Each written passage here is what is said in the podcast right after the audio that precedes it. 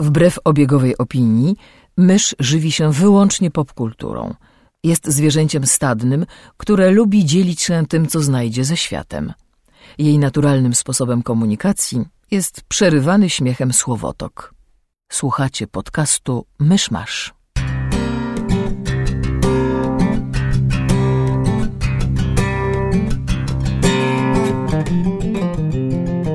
słuchacze, jest 11 listopada 2019 roku, nasz Dzień Niepodległości.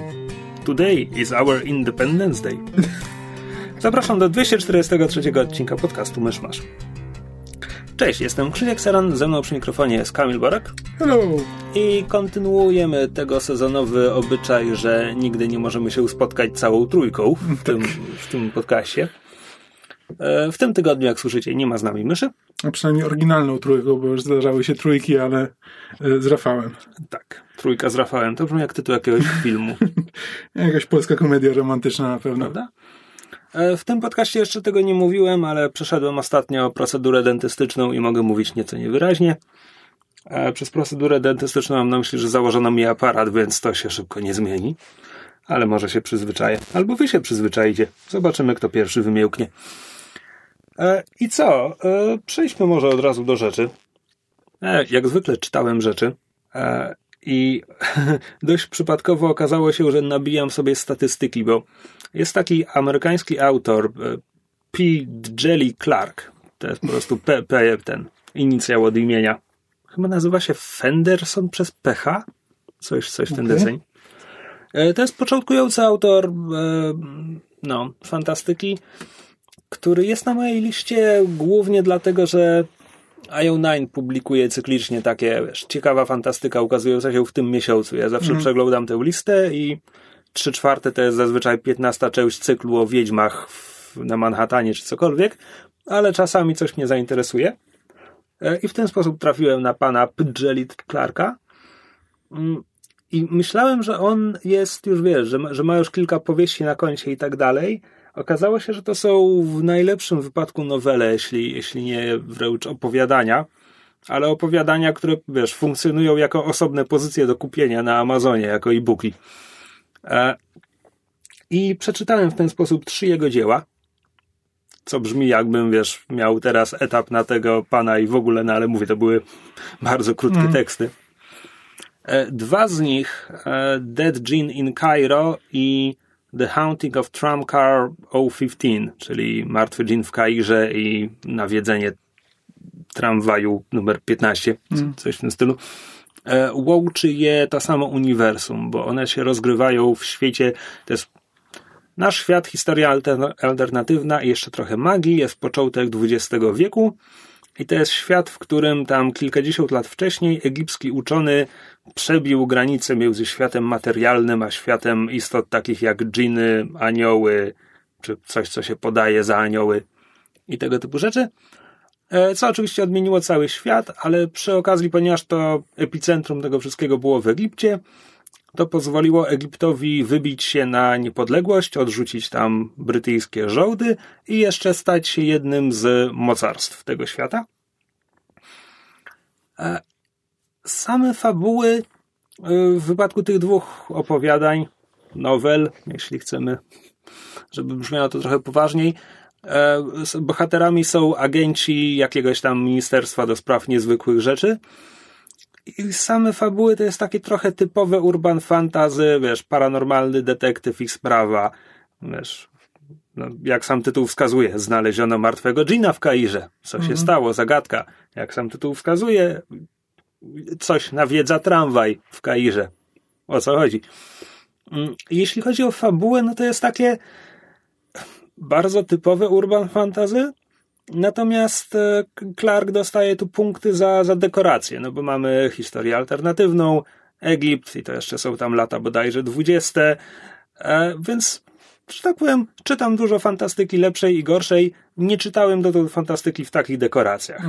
Czytałem może podobne rzeczy, ale nic konkretnie jakby z taką mieszaniną tematów, zwłaszcza y, jeszcze wiesz, w opowiadaniu o nawiedzeniu tramwaju jest, pojawia się kwestia, że mm, egipskie kobiety domagają się prawa głosu, więc będzie referendum, czy mają go uzyskać, czy nie, więc mamy tutaj jeszcze ten egipskie sufrażystki i tak dalej. I jest to całkiem sympatyczne. Nic nadzwyczajnego, ale sympatyczna mieszanina. Jeśli ktoś jest w nastroju na takie e, wiesz, urban fantasy w alternatywnych latach dwudziestych w Egipcie, hmm. warto spróbować. Mm, I podobnie oceniam największy z tych utworów, to już będzie, to już jest reklamowane jako powieść. Znowu, rozmiarami to raczej nowela i to nie, nie, nie aż taka gruba. Mm, ta rzecz nazywa się Black God's Drums, Bełbny Czarnego Boga. Mm -hmm. To też jest Jelly Clark. I to też jest historia alternatywna z magią, tylko tym razem jesteśmy w Ameryce i to jest e, chyba jeszcze końcówka XIX wieku. E, I z kolei tutaj znowu mamy świat, w którym jest magia i fantastyczne urządzenia i tak dalej. Tym razem bez konkretnego wyjaśnienia, skąd to wszystko się w tym świecie wzięło, może po prostu zawsze było. I mamy dwa główne wydarzenia, które potoczyły się inaczej. E, są, są takie, że po tym jak e, Napoleon próbował ponownie zniewolić Haiti, po tym jak Haiti wybiło się na niepodległość, co wydarzyło się również w naszym świecie, to nie tylko to się nie udało, co też wydarzyło się w naszym świecie, ale jeszcze Haitańczycy kontratakowali tak skutecznie, że uwolnili całe Karaiby. Więc po prostu jest niepodległy archipelag karaibski. A z kolei na kontynencie amerykańskim wojna secesyjna e, się nie skończyła. Znaczy zakończyła się takim patem, nikt nie wygrał, konfederacja wciąż istnieje, wciąż jest tam niewolnictwo jest, e, nie wiem, może to są lata 80. XIX wieku, czyli tam 20 lat po wojnie secesyjnej. Mm. A jeszcze przy okazji Nowy Orlean wybił, wybił się na niepodległość. Nowy Orlean jest wolnym miastem i właśnie w nim toczy się akcja, e, w ramach której młoda uliczna złodziejka trafia na bardzo cenną informację, że ktoś ma jakiegoś haitańskiego naukowca, chce go przekazać konfederatom. No i to jest cenna informacja, którą można sprzedać, ona dzięki temu może, może się wybić, może ten, zapewnić sobie lepszy los i tak dalej. Mm, do tego ma moce władania nad pogodą, ponieważ przemawia do niej afrykańska bogini Oż, oż nie pamiętam już, która. Przepraszam. A, nie pomogę. Tak. I, I znowu, historia alternatywna było, historia alternatywna z magią było. Tej konkretnej mieszanki nie, nie widziałem, zwłaszcza tutaj właśnie te, zwłaszcza dodanie te, te Haiti do tego wszystkiego i, i, tej afrykańskiej historii, afrykańskich bogów dodaje tutaj trochę, trochę unikalnego klimatu. A jednocześnie Ponieważ bohaterką jest młoda czarnoskóra złodziejka, władająca pogodą, w tym wiatrem, i rzecz się dzieje w Nowym Orleanie, czytało mi się to jako bardzo dziwny fanfic do X-Menów. Mm. Widzę to. I nie jestem pewien, czy to tylko przypadek, czy, czy jednak autor też to tak trochę pisał. Hmm. Ale przy tym fajna historia, sympatyczna.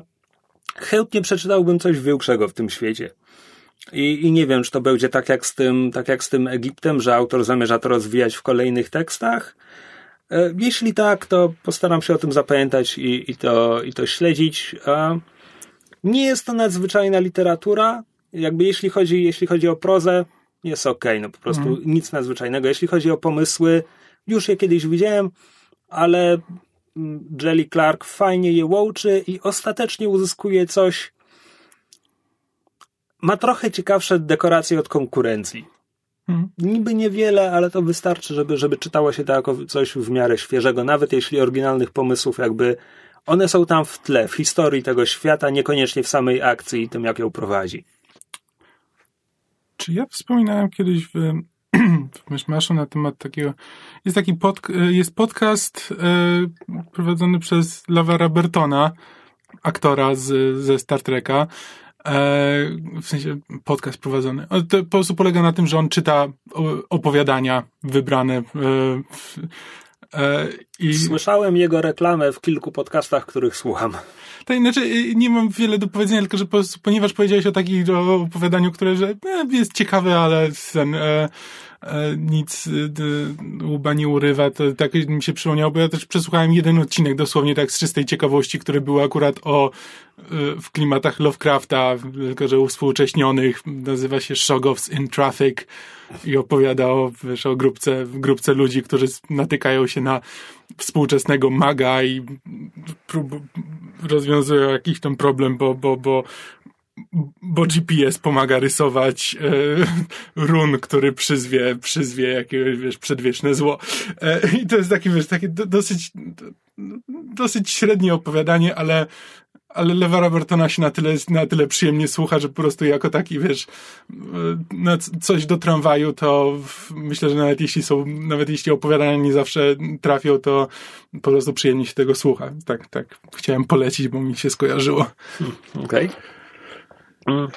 I jeszcze w kołciku bibliotecznym chciałem powiedzieć o komiksach, ale nie konkretnie o komiksach, które akurat czytam, tylko o tym, że jest bardzo dobry moment, żeby przetestować Marvel Unlimited, czyli internetową bibliotekę mhm. komiksów Marvela.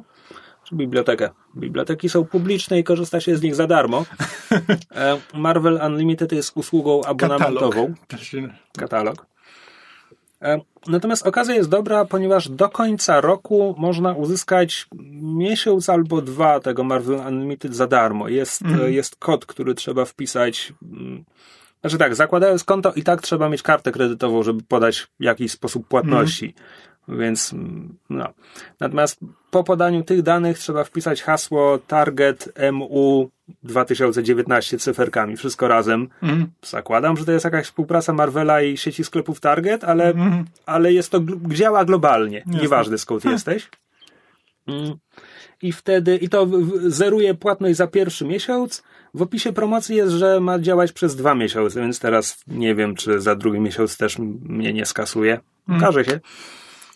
E, no i dzięki temu uzyskuje się dostęp do, jak sam Marvel się chwali, biblioteki, przepraszam, katalogu ponad 25 tysięcy komiksów, co brzmi dumnie. Konkretnie chodzi o ponad 25 tysięcy zeszytów mm -hmm. komiksowych, ale wciąż jest to dużo. No tak. E, I teraz tak, sam, jak już jakby ja przetestowałem i jestem kupiony. Już wiem, że dalej będę za to płacił. Ha, okay. Jeśli chce się płacić co miesiąc, to jest to 10 dolarów. Można zapłacić z góry za rok, wtedy jest to 70 dolarów. To jest różnica 50 dolarów. No tak, to jest sporo. To jest sporo, a jednocześnie jakby płatność z góry za rok to jest jakby. Trzeba być bardzo zdecydowanym, że na pewno przez rok będzie się z, z tego korzystać. Natomiast jestem w stanie wyjaśnić, znaczy wyjaśnić, uzasadnić taką płatność nawet tych 10 dolarów miesięcznie przez odwołanie się do wielkiej kolekcji komiksów Marvela, która mm -hmm. ukazywała się w Polsce przez nie wiem ile lat, dużo. Jeśli ktoś to zbierał, to się ukazywało co dwa tygodnie i te komiksy były po 40 zł. Tutaj no tak. za równowartość mniej więcej 35 zł miesięcznie ma się dostęp do całego mnóstwa komiksów więcej. Oczywiście to jest tylko dla ludzi, którzy chcą czytać komiksy, a nie kupować je, żeby stały na półce. No tak, tak, no, ale też. Ale w momencie, kiedy ja nawet już nie mam miejsca na półkach, żeby ustawiać komiksy, no, poza tym, ty mógłbyś sobie prawdopodobnie uzasadnić, bo podejrzewam, że z czasów, e, z czasów nastoletnich yy, wisisz Marvelowi sporo pieniędzy za, za ich komiksy. nie wnikajmy w to. Nie, nie, nie, skąd. E... Ja też nic bym o tym nie wiedział. E, w każdym razie e, jedno co powiem, to z dwojga złego, jeśli chodzi o czytanie komiksów na, na ekranach, w wypadku Marvel Unlimited trochę lepiej, przynajmniej przez pierwszych kilka podejść do Marvel Unlimited, lepiej sprawdza się telefon, paradoksalnie. Pomimo tego, że to ta, ma taki malutki ekranik. Nie dlatego, że na małym ekranie się wygodniej czyta, ale dlatego, że na telefony jest dedykowana aplikacja Marvel Unlimited, mm. która działa całkiem spoko. Od razu masz wyszukiwarkę tytułów i jeszcze ci zapamiętuje, co ostatnio czytałeś. Kiedy logujesz się do Marvel Unlimited przez przeglądarkę, przeglądarka nie robi żadnej z tych rzeczy, w sensie mm. nie zapamiętuje, co ostatnio czytałeś. Co więcej, Marvel Unlimited jest zespolone bezpośrednio ze stroną Marvel.com. Nie ma osobnej strony, i zanim ja odkryłem, jak właściwie znaleźć tam komiks, który chcę przeczytać, zacząłem czytać serię z lat 90. Nazywa się New Warriors. Jest to jedna z czterech serii, które nosiły ten tytuł, ponieważ tytuły wracają cyklicznie. Konkretnie wiedziałem, Chodzi mi o pierwszą serię New Warriors, lata 1990-1996. Scenariusz pisał Fabian Niciezja. Wiedząc to wszystko, wpisując te dane w wyszukiwarkę na stronie Marvela i tak nie da się tego znaleźć, Okay. bo wyjdzie ci informacja New Warriors o grupie, po prostu informacja o grupie superbohaterów. Potem wyskoczy ci parę zeszytów ich ostatniej serii sprzed paru lat. Nie o to mi chodzi. A dalej wyskakują mi na przykład Ghost Rider, bo też był z 1990. Jesus. Jest to tak spektakularnie bezużyteczne. Ostatecznie odkryłem, że trzeba wejść w wyszukiwanie. Na górze będzie pasek, w jakich kategoriach wyszukujesz, i nie klikasz komiks, tylko najeżdżasz kursorem na komiks, wtedy wyskoczy ci menu rozwijalne i tam możesz wybrać komiksy w oparciu o serię. I wtedy, jak to klikniesz i potem zejdziesz na sam dół strony, to tam masz indeks alfabetyczny. Jezus Maria. Głowa, Ale- głowa mnie boli. prawda? A to jeszcze jest Marvel, więc jakby jak ktoś ci powie, że hej, e, wiesz co, New X-Men to jest fajny komiks, Mm. To ci nic nie daje, musisz wiedzieć, o którą konkretną serię chodzi. A potem jeszcze musisz ją znaleźć na tej bezużytecznej stronie. Jezus Maria. Okej. Więc tak, na pierwszy kontakt polecam aplikację w telefonie, bo tam przynajmniej da się w miarę łatwo znaleźć rzeczy. A jak już wiesz, czego chcesz czytać, okej, wtedy można się bić z ich stroną i czytać to mm, przez przeglądarkę. Oczywiście, jeśli ktoś ma mm, tablet z Androidem, no to to jest rozwiązanie wtedy idealne, bo masz aplikację i masz na tyle duży ekran, że to nie jest problem. Nie ma, o ile wiem, nie ma dedykowanej aplikacji na, na PC-ty. W sensie, jakby to, co się ładuje w przeglądarce, to jest nominalnie aplikacja, ale nie da się tego pobrać, żeby Mhm, mieć jasne. ikonkę na pulpicie. Chyba, że po prostu Marvel nie jest w stanie wyjaśnić, że hej, da się, kliknij tutaj. Jeśli się da i słuchacze o tym wiedzą, to powiedzcie mi, przyda mi się. Mm. Wow. Ja myślałem, że HBO nie potrafi swoje strony No. i aplikacje. I jest jeszcze jedna rzecz, e, to nie jest unikalne dla Marvel Unlimited, e, Comixology Unlimited e, robi to samo, to znaczy ktoś, kto pierwszy stwierdził, że okej, może warto sprzedawać komiksy cyfrowo, no bo ludzie tyle je piracą, może damy im opcję, żeby kupowali, może ktoś to kupi. I zatem szła kolejna myśl, no ale komiksy na ekranie, zwłaszcza ekranie telefonu, hmm, trzeba by jakoś ułatwić tego czytanie. I tak powstała funkcja, ona ma różne nazwy, to jest Smart Panel, Guided View, różne takie. A w wypadku Marvel Unlimited to jest chyba właśnie Smart Panel. Polecam ją wyłączyć, bo na czym to polega? To polega na tym, że komiks zostaje podzielony, każda strona komiksu zostaje podzielona na małe kadry, które są ci prezentowane po kolei. Mhm. I to jest jakby w kolejności, w której oko powinno się faktycznie przesuwać po stronie komiksu, więc kolejność wydarzeń się zgadza, o ile komiks został odpowiednio jakby sformatowany pod tę funkcję. No ale problem jest taki, że komiksy, ponieważ mówimy tu o kom, jakby komiksy na razie nie są tworzone z myślą o tej funkcji. Mhm. Znaczy, okej, Comixology na przykład wydaje swoje, swoje originalsy, może niektóre z nich są robione z myślą o tej funkcji. No ale ogół komiksów jest robiony z myślą o druku, Mhm. przez co komiks jakby, jak czytasz komiks, masz mieć przed sobą całą stronę Mhm. i masz mieć opcję i możliwość, żeby czytać tak kadr po kadrze, ale również, żeby móc widzieć, postrzegać całą stronicę, żeby patrzeć na kompozycję tego wszystkiego, no bo zazwyczaj w tym jest wartość rysunków. No tak. Więc ta opcja, która po prostu pokazuje ci, wiesz, tnie ci stronę na malutkie kawałeczki i pokazuje ci je po kolei, załapiesz akcję, no ale coś tracisz, nie widząc kompozycji. Więc, ponieważ wygląda na to, że to jest po prostu uruchomione automatycznie w Marvel Unlimited, polecam po prostu wyłączyć tę funkcję i wtedy możesz, wiesz, możesz sobie obejrzeć całą stronę, no jeśli robisz to na ekranie telefonu, no to ona będzie malutka, ale możesz obejrzeć cały rysunek, potem sobie robisz zbliżenie i już sam tam oglądasz, oglądasz szczegóły. E, więc tak, więc to jest moja przygoda z Marvel Unlimited. E, strona internetowa jest beznadziejna, ale zasób komiksów jest, jest fajny. No i cena jest, jest ok.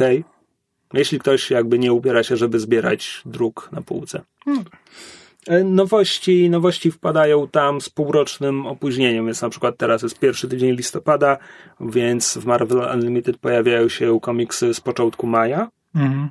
Mm. A jednocześnie cały czas jest uzupełniany e, katalog staroci. W związku z czym teraz jest pierwszy tydzień listopada i mamy, no, to, to mamy te 25 komiksów z pierwszego tygodnia maja tego roku i 10 numerów X Factor z lat 90., mhm. których dotąd tam nie było.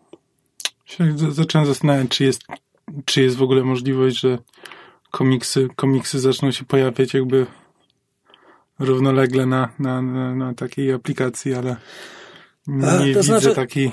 Da się je kupić. W sensie, jeśli, jeśli chcesz czytać nowości na bieżąco, można kupować cyfrowe mm. wydania. Natomiast chyba nie, chyba nie ma jakby takiej usługi, która byłaby powiedzmy Netflixem wśród komiksów. Mhm. Szczerze mówiąc, nie jestem pewien, czy te Comixology Originals nie, nie ukazują się w dniu premiery, jeśli masz wykupiony tam abonament. No to by, to by jeszcze miało sens. No jakby, nie, po prostu zacząłem się zastanawiać, bo jakby w komiksach no to jest inna sytuacja, bo, no bo nie ma Netflixa dla komiksów, bo tak naprawdę w komiksach no to jakby oczywiście są różne niezależne wydawnictwa, ale zasadniczo masz e, Marvela, masz DC, plus dużo różnych rzeczy, które są jakby są niezależne, ale nie przyciągną jakby dużej, e, dużej widowni. E, znaczy, wiesz co, nie, nie, można, nie można zapominać o Image, które re, regularnie jakaś seria z Image jest jednak w tym, w tej pierwszej dziesiątce wśród wyników sprzedaży. Hmm. No tak, no ale nie, nie możesz ciężko jest zrobić takiego Netflixa na zasadzie, że tutaj masz większość swoich ulubionych komiksów tam poza poza niektórymi i wiesz, i to by mogło urosnąć do rangi, do rangi takiego Netflixa, bo to zawsze prawdopodobnie będą aplikacje dedykowane konkretnemu, konkretnemu wydawnictwu. No tak, okej. Okay. Um, rozumiem. Hmm. Tak, tak. Tylko myśl na marginesie. No tak, no jakby, jakby podsumowując, e, jeśli chcecie przetestować, no to teraz jest do końca roku ten, ten kod działa, daje miesiąc albo dwa. Co najmniej miesiąc, reklama mówi, że dwa. Jeszcze nie wiem, w jaki sposób mam dostać ten drugi. Hmm. To ja się teraz wetnę, e, bo udało mi się, udało mi się w ostatnim czasie obejrzeć e, nowy serial Netflixa, jeszcze w miarę świeży, co w sumie mi się rzadko zdarza, znaczy oglądam z sporym opóźnieniem. E, nazywa się to to Living With Yourself. Rolę główną gra Paul Rudd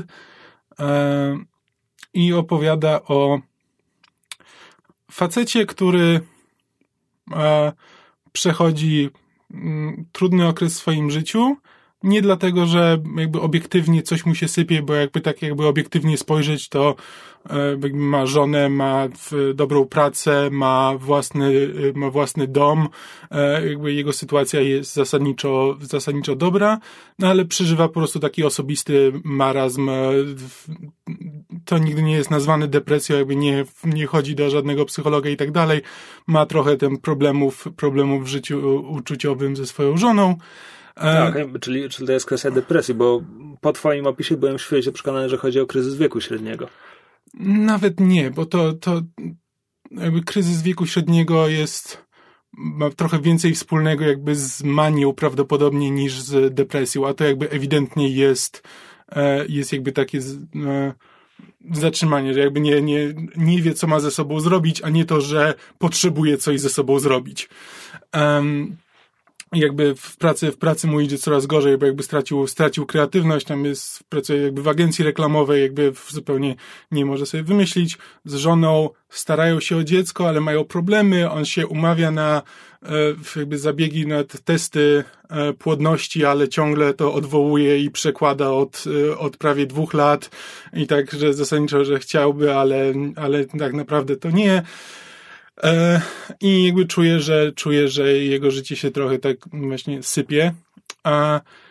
I znajomy z pracy mu podpowiada, że właśnie e, był na zabiegu w takim spa, e, które sprawiło, że jest zupełnie nowym człowiekiem, zupełnie odmieniony. Właśnie zyskał, zyskał radość życia, zyskał zupełnie nowe spojrzenie na, na życie i stał się, stał się właśnie bardziej e, otwarty, e, energiczny, kreatywny i tak dalej. No więc on tam w, w końcu w tempo jakimś postanawia, postanawia przejść ten zabieg.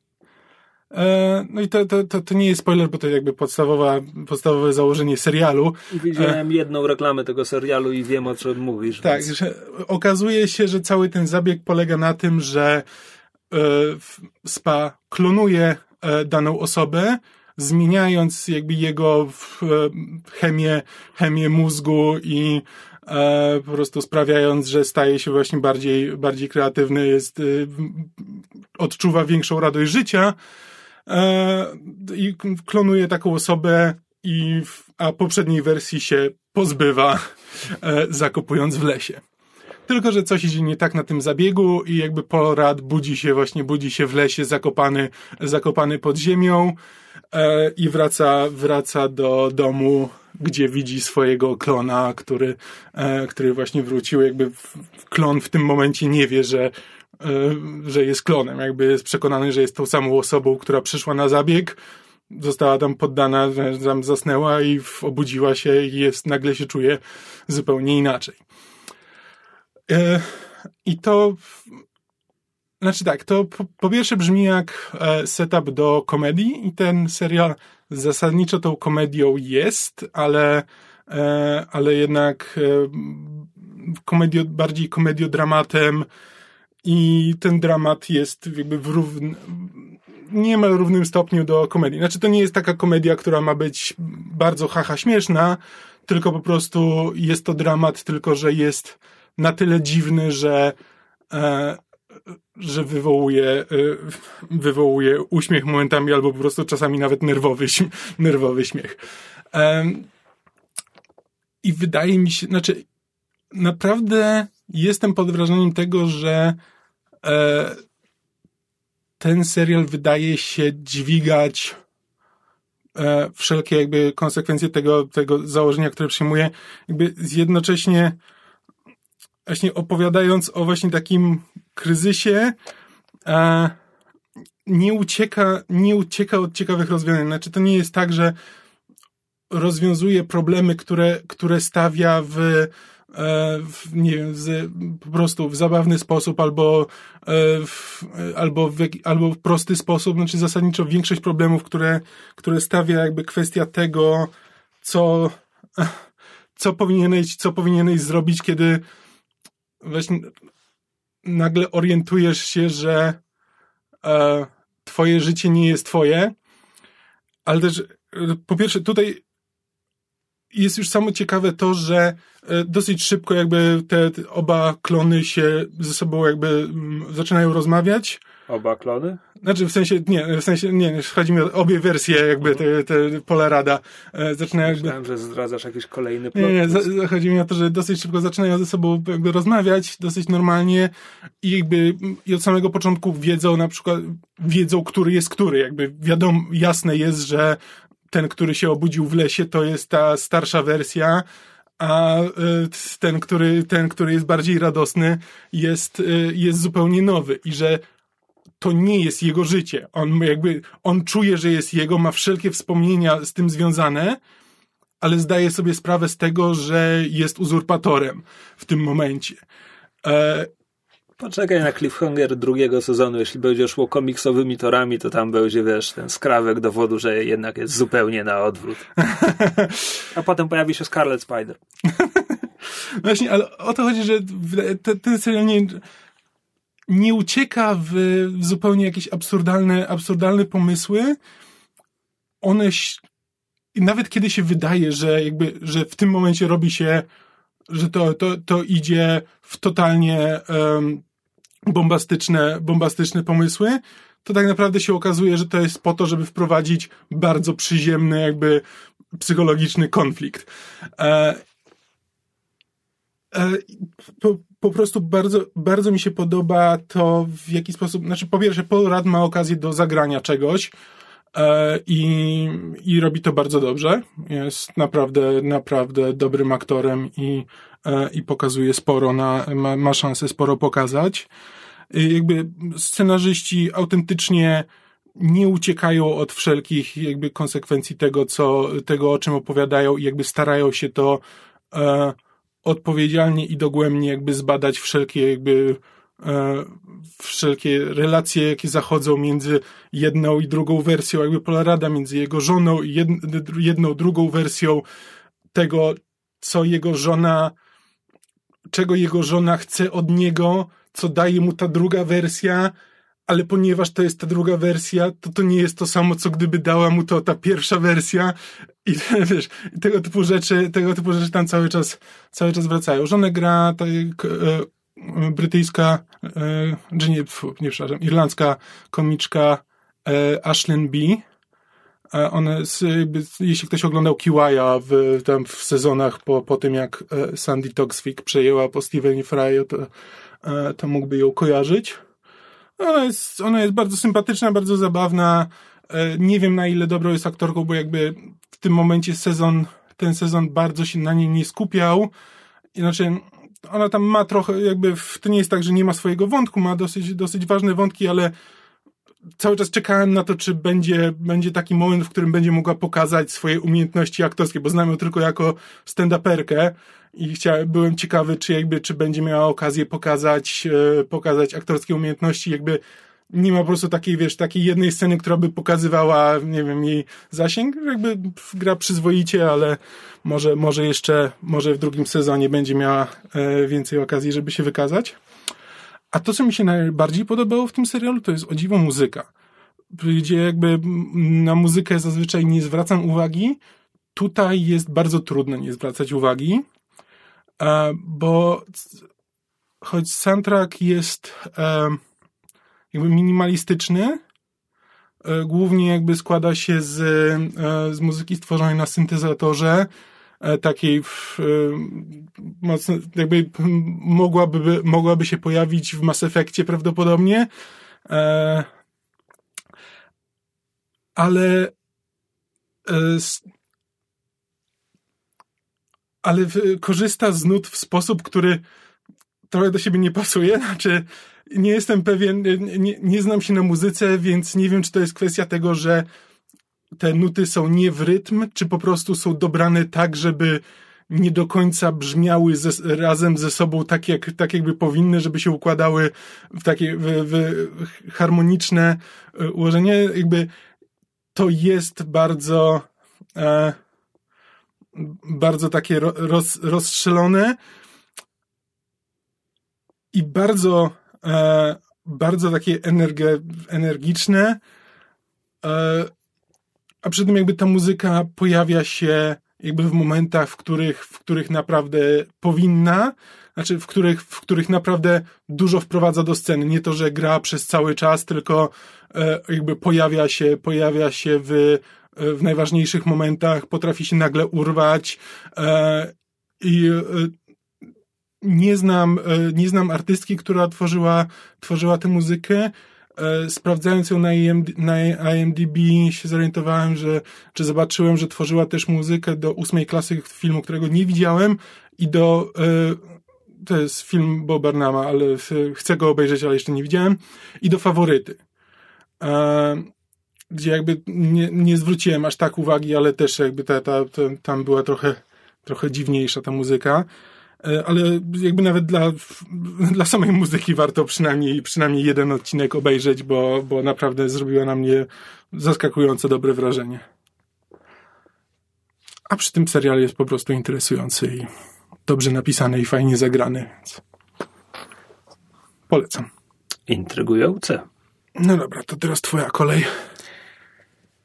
Ja chciałem się dorzucić do dyskursu o Jokerze, ponieważ mm. na pewno po miesiącu od premiery jeszcze temat nie został wyczerpany do cna, dogłębnie i tak dalej. Mm, a ja dość przypadkowo obejrzałem film e, w zeszłym tygodniu. Mówię dość przypadkowo, bo zasadniczo już się pogodziłem z tym, że chyba nie, nie wybiorę się na niego do kina, tylko obejrzę kiedyś na streamingu. Ale akurat się potknąłeś i wylądowałeś w fotelu kinowym? E, trochę, bo byliśmy z Megu w Bielsku i chcieliśmy iść na ślicznotki i okazało się, że już ich nie grają w Bielsku. Okej. Okay. E, I wylądowaliśmy na Jokerze, więc absolutnie spoilerowo chcę powiedzieć, bo jest już miesiąc po premierze, mm. chyba mogę.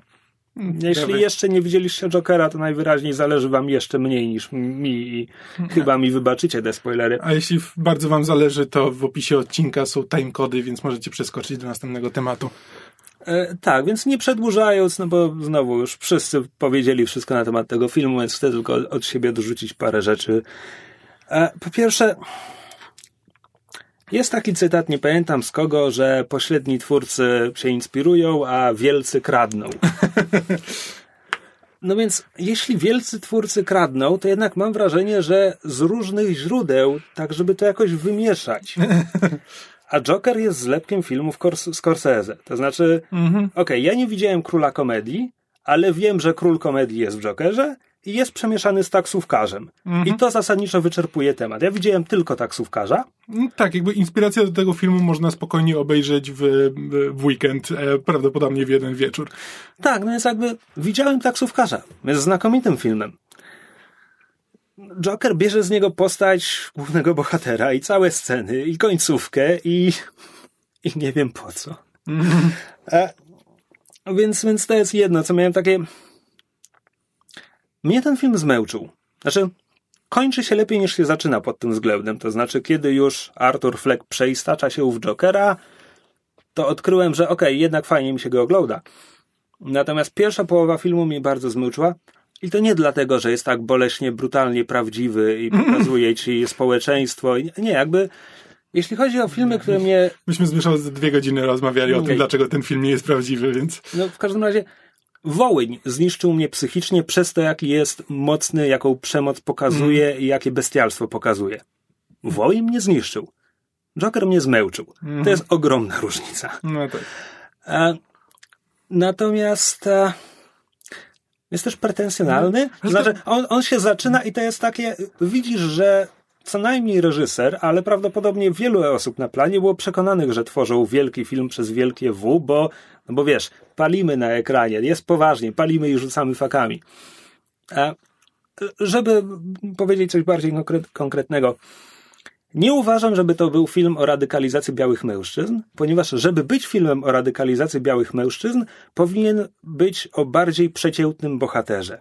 Mhm. Ale w momencie, gdy Arthur Fleck ma jakby ileś tam schorzeń psychologicznych już zdiagnozowanych, już mhm. się nawet na nie leczy. W momencie, gdy okazuje się, że ma tragiczną przeszłość, absurdalnie tragiczną, w momencie, gdy okazuje się, że być może jest, a być może nie jest synem najbogatszego człowieka w mieście, więc mhm. to jest w ogóle dziecko przeznaczenia nagle, no to nie, on nie jest Everymanem. Mhm. On absolutnie nie jest Everymanem.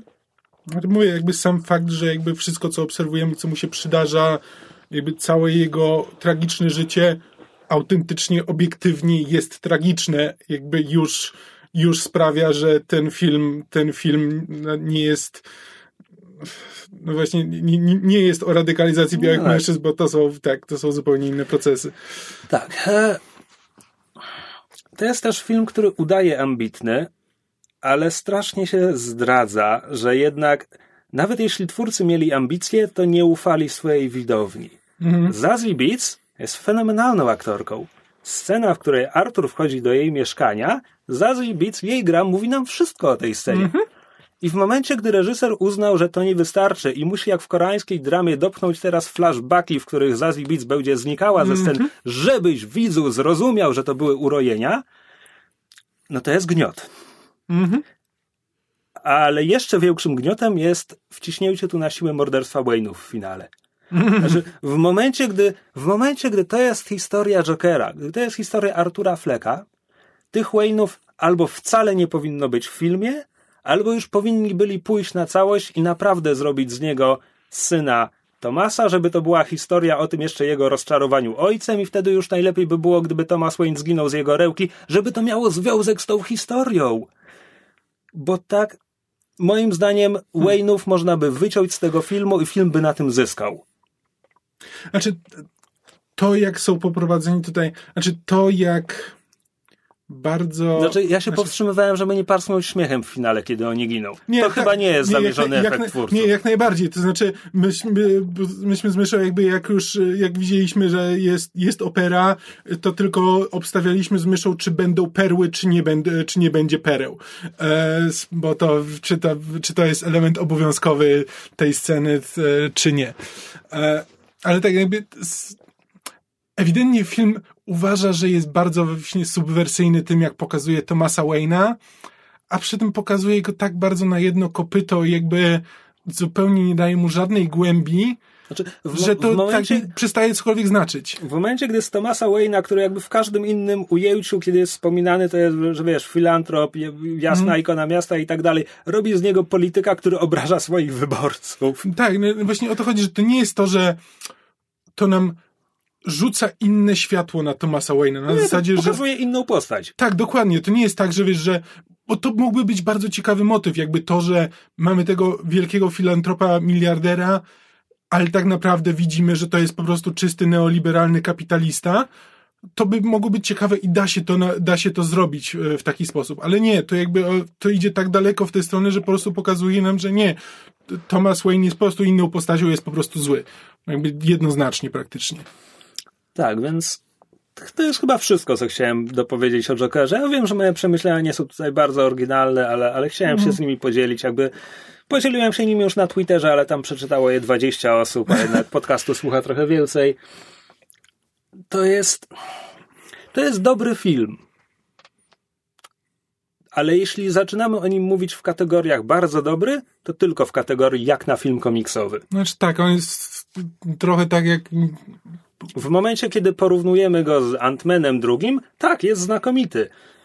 Ale musimy myśleć o tej konkurencji, żeby on był w jakikolwiek sposób, żeby w jakikolwiek sposób się wybijał. No tak, on się wybija na tle filmów właśnie komiksowych, tylko że jest tyle dobrych filmów w tym momencie, że jakby to, że to jest średni film, ale jest zrobiony tak, jakby, jakby był dobry, a przy tym jest o bohaterze komiksowym, jakby no, no, no spoko, ale to, to niewiele zmienia.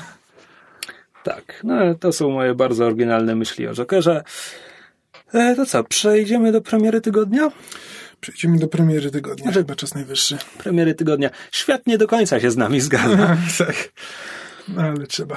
Więc byliśmy obaj na filmie Terminator Dark Fate, po polsku Mroczne Przeznaczenie, tak to się tłumaczy? Jakoś tak mniej więcej. Być może. Ciemny los. A ja się świetnie bawiłem. O, ty nie, no dobra. To, to Znaczy, ja jeszcze ja będę myślę- kontynuował. Znaczy, ja tylko bym chciał zacząć od tego, że ja... E, Y, Na ile no. ty, jakby, ile Terminatorów widziałeś? Ja widziałem wszystkie. wszystkie. Okej. E, że ja tylko chciałem wspomnieć, że ja wszedłem do kina, usiadłem na sali kinowej, przesiedziałem przez reklamy, trailery i tak dalej. E, zaczął, e, zaczął się film. Ja usłyszałem kobiecy głos mówiący do mnie po polsku. A, dubbing. I w tym momencie się zorientowałem, że popełniłem, popełniłem duży błąd, ponieważ nie przyszło mi do głowy, że ten film jest, e, że ten film ma wersję dubbingową, więc nawet nie spojrzałem, e, patrzyłem tylko na godzinę, kiedy wybierałem seans. E, więc tak, ja jestem po wersji dubbingowej. Bardzo się zdziwiłem, kiedy, kiedy odkryłem, że ten film ma dubbing, ale na Ja, szczęście... te, ja też miałem takie, że na zasadzie, wow, czemu ten film ma dubbing? Przecież on ma w ogóle chyba rating R, prawda? On by, to nie jest, to nie jest PG-13 tak jak poprzednie Terminatory, tylko to chyba była, to chyba jest już Prawdopodobnie. R-ka. E, Dużo tam przeklinają, więc na amerykańskie to powinno być RK. Tak, ale e, tuż za mną siedział, e, siedział ojciec z dwójką dzieci, tak na oko parunastoletnich. E, w, No, bądźmy szczerzy, jakby kilkanaście lat to jest idealny wiek, żeby oglądać Terminatory. tak, jakby. Nie, tylko że to było też takie, to, to, to było też takie dziwne. E, No bo jakby wiesz, no rozumiem, no okej, dobra, tata, tata z, z dziećmi jakby mają ws- wspólną miłość do Terminatorów. Spoko, no, poszli, poszli na Terminatora, czemu nie? Nie będę komu, nikomu mówił, jak ma wychowywać dzieci, jakby to nie jest film, który, na który bym nie puścił swojego dziecka, więc spoko. E, czemu nie? Tylko, że potem tak jest w scenie, e, jest, tam scena, to nie jest spoiler, ale jest scena, w której, e, w której Arnie podnosi e, ciemne okulary, bierze je do ręki i w tym momencie ten i zaraz po tej scenie usłyszałem głos ojca tłumaczący dziecku na zasadzie, to są takie okulary, które on nosił przez cały, przez cały pierwszy film, to, bardzo charakterystyczne dla niego. Więc to ewidentnie jakby ojciec zaciągnął swoje dzieci, żeby, że- żeby z nimi dzielić swoją miłość do Terminatora, ale najwidoczniej nie oglądając poprzednich Terminatorów, czego już nie rozumiem zupełnie. E, tak, no więc mamy, to jest, to jest kolejny Terminator. E, pierwszy chyba, z którym James Cameron miał sporo wspólnego od Terminatora 2 z 1991. A Przez sporo wspólnego e, mam na myśli, że produkował film i był współtwórcą historii, ale już nie scenariusza. Tak jest. To jest współtwórcą historii, to chyba jest pięć osób, które jest wymienionych do No, tak. Story by. Między innymi ostateczny scenarzysta, czyli David Goyer. Mm, Tam jeszcze dwie inne osoby z nim pracowały nad scenariuszem, ale nie zapamiętałem kto. Myślę, że są trzy osoby, które pracowały nad scenariuszem i pięć osób, które pracowało nad historią. Przy czym jakby te, te trzy osoby, które pracowały nad scenariuszem, pracowały też nad historią. Tak. A, a wyreżyserował to Tim Miller, który jakby odniósł sukces Deadpoolem jakiś czas temu. I jest to film, który. To, to jest podejście, e, które, którego próbował na przykład Brian Singer z Superman Returns. Znaczy, jest to sequel, który ignoruje trzy poprzednie sequele. I mamy tu zasadniczo bezpośrednią kontynuację historii z Terminatora 2. A przy tym cykl Terminator ze, względu na swoją naturę, to znaczy już w pierwszym filmie mamy do czynienia z co najmniej drugą iteracją wydarzeń i całej tej pełtli czasu, to nam oznacza, że te wszystkie pozostałe filmy, one wciąż mogły się wydarzyć w innych pełtlach, po prostu nie ma ich w tej. A, I czy, czy to będzie omówienie w pełni spoilerowe, czy do spoilerów przejdziemy później? Bo, bo ten film podejmuje decyzje i one są na samym początku filmu, ale wciąż są spoilerowe. Tak, ale też tak patrząc na to, jak to sobie ten film radzi, się zastanawiam, ile osób rzeczywiście ma zamiar go szczerze obejrzeć, więc nie wiem, czy nie, czy, czy równie dobrze nie moglibyśmy o nim mówić ze spoilerami, ale to już jak uważasz. A Jeśli chcesz najpierw omówić to bezspoilerowo, to możemy tak zrobić. Wiesz co, ponieważ to jest sam początek filmu, to chciałbym go omówić teraz, więc dobra, będą spoilery. Dobra, będą spoilery. Zanim zaczną się spoilery, mogę powiedzieć tyle. Napisałem to już na Twitterze, ale znowu tam przeczytało to tylko parę osób. Ten film jest takim trochę przebudzeniem mocy dla tego cyklu, to znaczy on bierze wszystko z poprzednich filmów, w tym z sequeli, które ignoruje. Nie ma tu praktycznie żadnego naprawdę oryginalnego pomysłu, ale łączy je w film, który jest zdecydowanie lepszy od trzech poprzednich sequeli. No tak, tylko że to też nie jest wysoka poprzeczka. Niby nie, ale jakby każdy z nich poza Genesis miał dobre. Oba poza Genesis miały dobre pomysły. To, że nie wyszły z nich dobre filmy, to jest, to jest co innego. Dark Fate jest dobrym filmem akcji. Tak, tak. Mam trochę problem z tempem, to znaczy początek jest dla mnie zdecydowanie za szybki, ale tam gdzieś w połowie filmu wreszcie on się trochę uspokaja i daje trochę miejsca postaciom. Jeśli chodzi o rzeczywiście akcję i przedstawienie akcji, byłem pod dużym wrażeniem tego, że znaczy jak Tim Miller to pokazuje, e, autentycznie to była akcja, którą jestem w stanie śledzić. Znaczy, są dość długie ujęcia, e, jakby cięcia są wtedy, kiedy są jakby potrzebne, a nie po to, żeby zatuszować e, i dodać dynamiki, tylko, e, tylko autentycznie to jest przemyślane i jakby można prześledzić każdy ruch. Wiem, gdzie kto jest w relacji do siebie. Jeśli chodzi o takie aspekty kręcenia, jakby czy- czystego, czysto techniczne kręcenia scen akcji, to jest, to jest bardzo dobre. Jakby Tim Miller wie, co robi ewidentnie i e, pod tym, e, e, już pod, pod tym względem od choćby to jest, to jest dobry, dobry film akcji. Tak, i jest to też wszystko świetnie zagrane. Nawet jeśli aktorki nie mają bardzo dużo do zagrania albo nie mają czegoś spe- specjalnie mądrego do zagrania. Właśnie ja mam ten problem, że ja się musiałem trochę domyślać, jak ten film jest zagrany, bo... A, dubbing, tak. Tak, bo kiedy mam, e, mam głosy polskich aktorów, którzy ewidentnie siedzą w studio, e, to sceny przejdę może dalej, ale e, dalej w sekcji spoilerowej dokładniej powiem o co mi chodzi, ale szczególnie właśnie pod koniec, tam w, w, w trzecim akcie filmu, czy tam na, sam- na samym początku trzeciego aktu, e, to te sceny były, je przewracałem oczami, bo po prostu tam są dialogi napisane w dosyć taki łopatologiczny sposób, który jestem w stanie uwierzyć, że ci aktorzy po prostu byli w stanie sprzedać, ale w polskiej wersji ja siedziałem i przewracałem oczami, bo po prostu były tak, tak cheesy i corny. Nie, to w oryginale to wszystko się sprawdza jakby nawet, nawet sceny, które są dość, dość patetyczne i podniosłe i w ogóle działały dla mnie. Jakby naprawdę dla mnie działały. E, więc pod tym względem było super. Aktorsko tak naprawdę to nie jest, to nie jest tak, jeśli powiem, że Gabriel Luno był dla mnie najsłabszy aktorsko, to nie znaczy, że dla mnie źle zagrał złego Terminatora, tylko to znaczy, że nie jest złolem na miarę Arnolda w pierwszym filmie albo Roberta Patricka w drugim filmie, ale to też dlatego, że na jego robota nie ma takiego pomysłu, jaki mm. był na przykład znaczy, na Tety Show. Przy czym to, to miał być, o, znaczy moim zdaniem to jest jakby świadome, na, znaczy świadomie gra to trochę jak Robert Patrick, znaczy próbuje być e, Robertem Patrickiem na zasadzie e, jakby jest małomówny i jednak nie, nie, nie, wyraża jest, emocji. Nie, nie, ponieważ on się podszywa pod ludzi, on jest całkiem rozmowny. Znaczy tak, nie, sporo, sporo tego jest, ale jednak, ale emocji, emocji w tym jest mało, poza tam drobnymi scenami, w których jakby ewidentnie, ewidentnie się pod kogoś podszywa. E, jakby ewidentnie to jest nawiązanie do T-1000, ale w, e, jak, nie, nie Diego Luna, jak, Gabriel Luna. Gabriel Luna. E... Gabriel Luna znany trochę szerszej publiczności jako Ghost Rider z Agents of S.H.I.E.L.D. Tak. Nie sprzedaje tego tak dobrze jak, e, jak Robert Patrick, no ale to też, to z kolei jest tak wysoka poprzeczka, że to, to z kolei trudno przeskoczyć, ale jest bardzo, ale bardzo dobry. Naprawdę mi się e, przyjemnie go oglądało na ekranie. Ale jeszcze a propos polskiego dubbingu, a pół tego filmu dzieje się w Meksyku. Tak. Wie, Co wie... polski dubbing robi z tym wszystkim, całym hiszpańskim? Hiszpański jest zostawiony w oryginalnej wersji i są zrobione tylko napisy po polsku.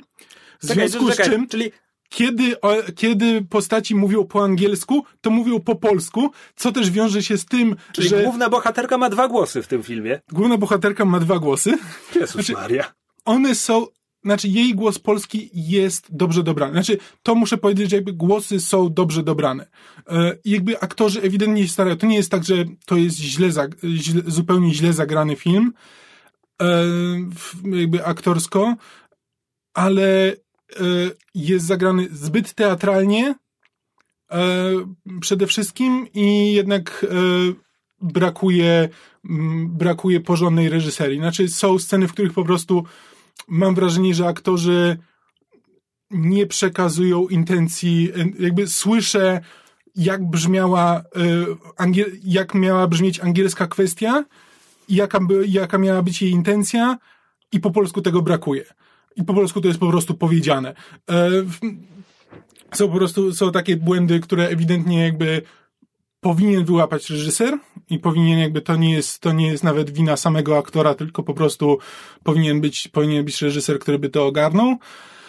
No i właśnie, no i też trochę jakby jest to zbyt, zbyt teatralne, w związku z czym, ponieważ ten film potrafi wpadać w patos, e, to kiedy jeszcze to jest dopchnięte kolanem przez polski dubbing e, teatralny, to ten patos po prostu się wylewa z ekranu i jest przytłaczający.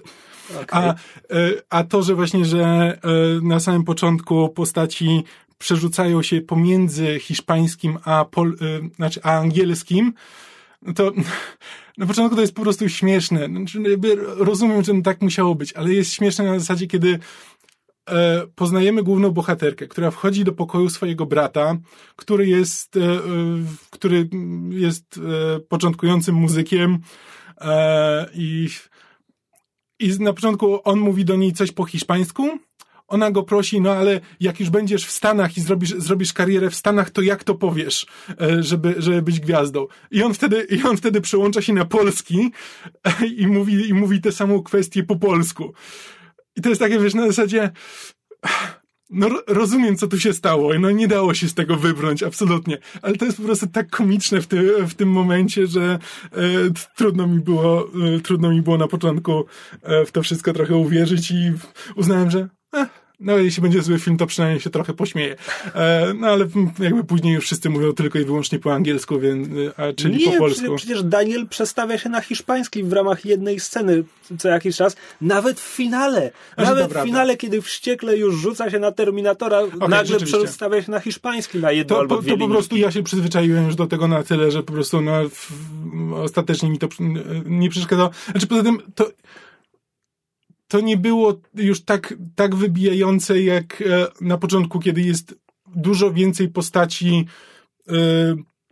e, postaci, które mówią po hiszpańsku i jakby przerzucają się pomiędzy sobą e, z, z hiszpańskiego na angielski i z powrotem i najpierw z jedną postacią, potem się odwraca do innej i mówi, że jakby na początku no to jest po prostu dezorientujące i jakby bardzo zwraca uwagę, kiedy mówimy o dubbingu i mamy hiszpański, hiszpański, a potem dokładny polski, jakby polski akcent mówiony przez polskiego aktora. E, e, to wiesz, to, Poza tym no, warto wspomnieć, że dla mnie to jest e, chyba pierwszy film z dubbingiem, który widziałem od czasów Lego Movie. Aha. Podejrzewam, więc jakby ja nie jestem przyzwyczajony do dubbingu, więc jeszcze kiedy jestem wrzucony do dubbingu połączonego z hiszpańskimi kwestiami, to już absolutnie wysiadam i, e, i to było absurdalne w, momentami, ale, ale zabawne.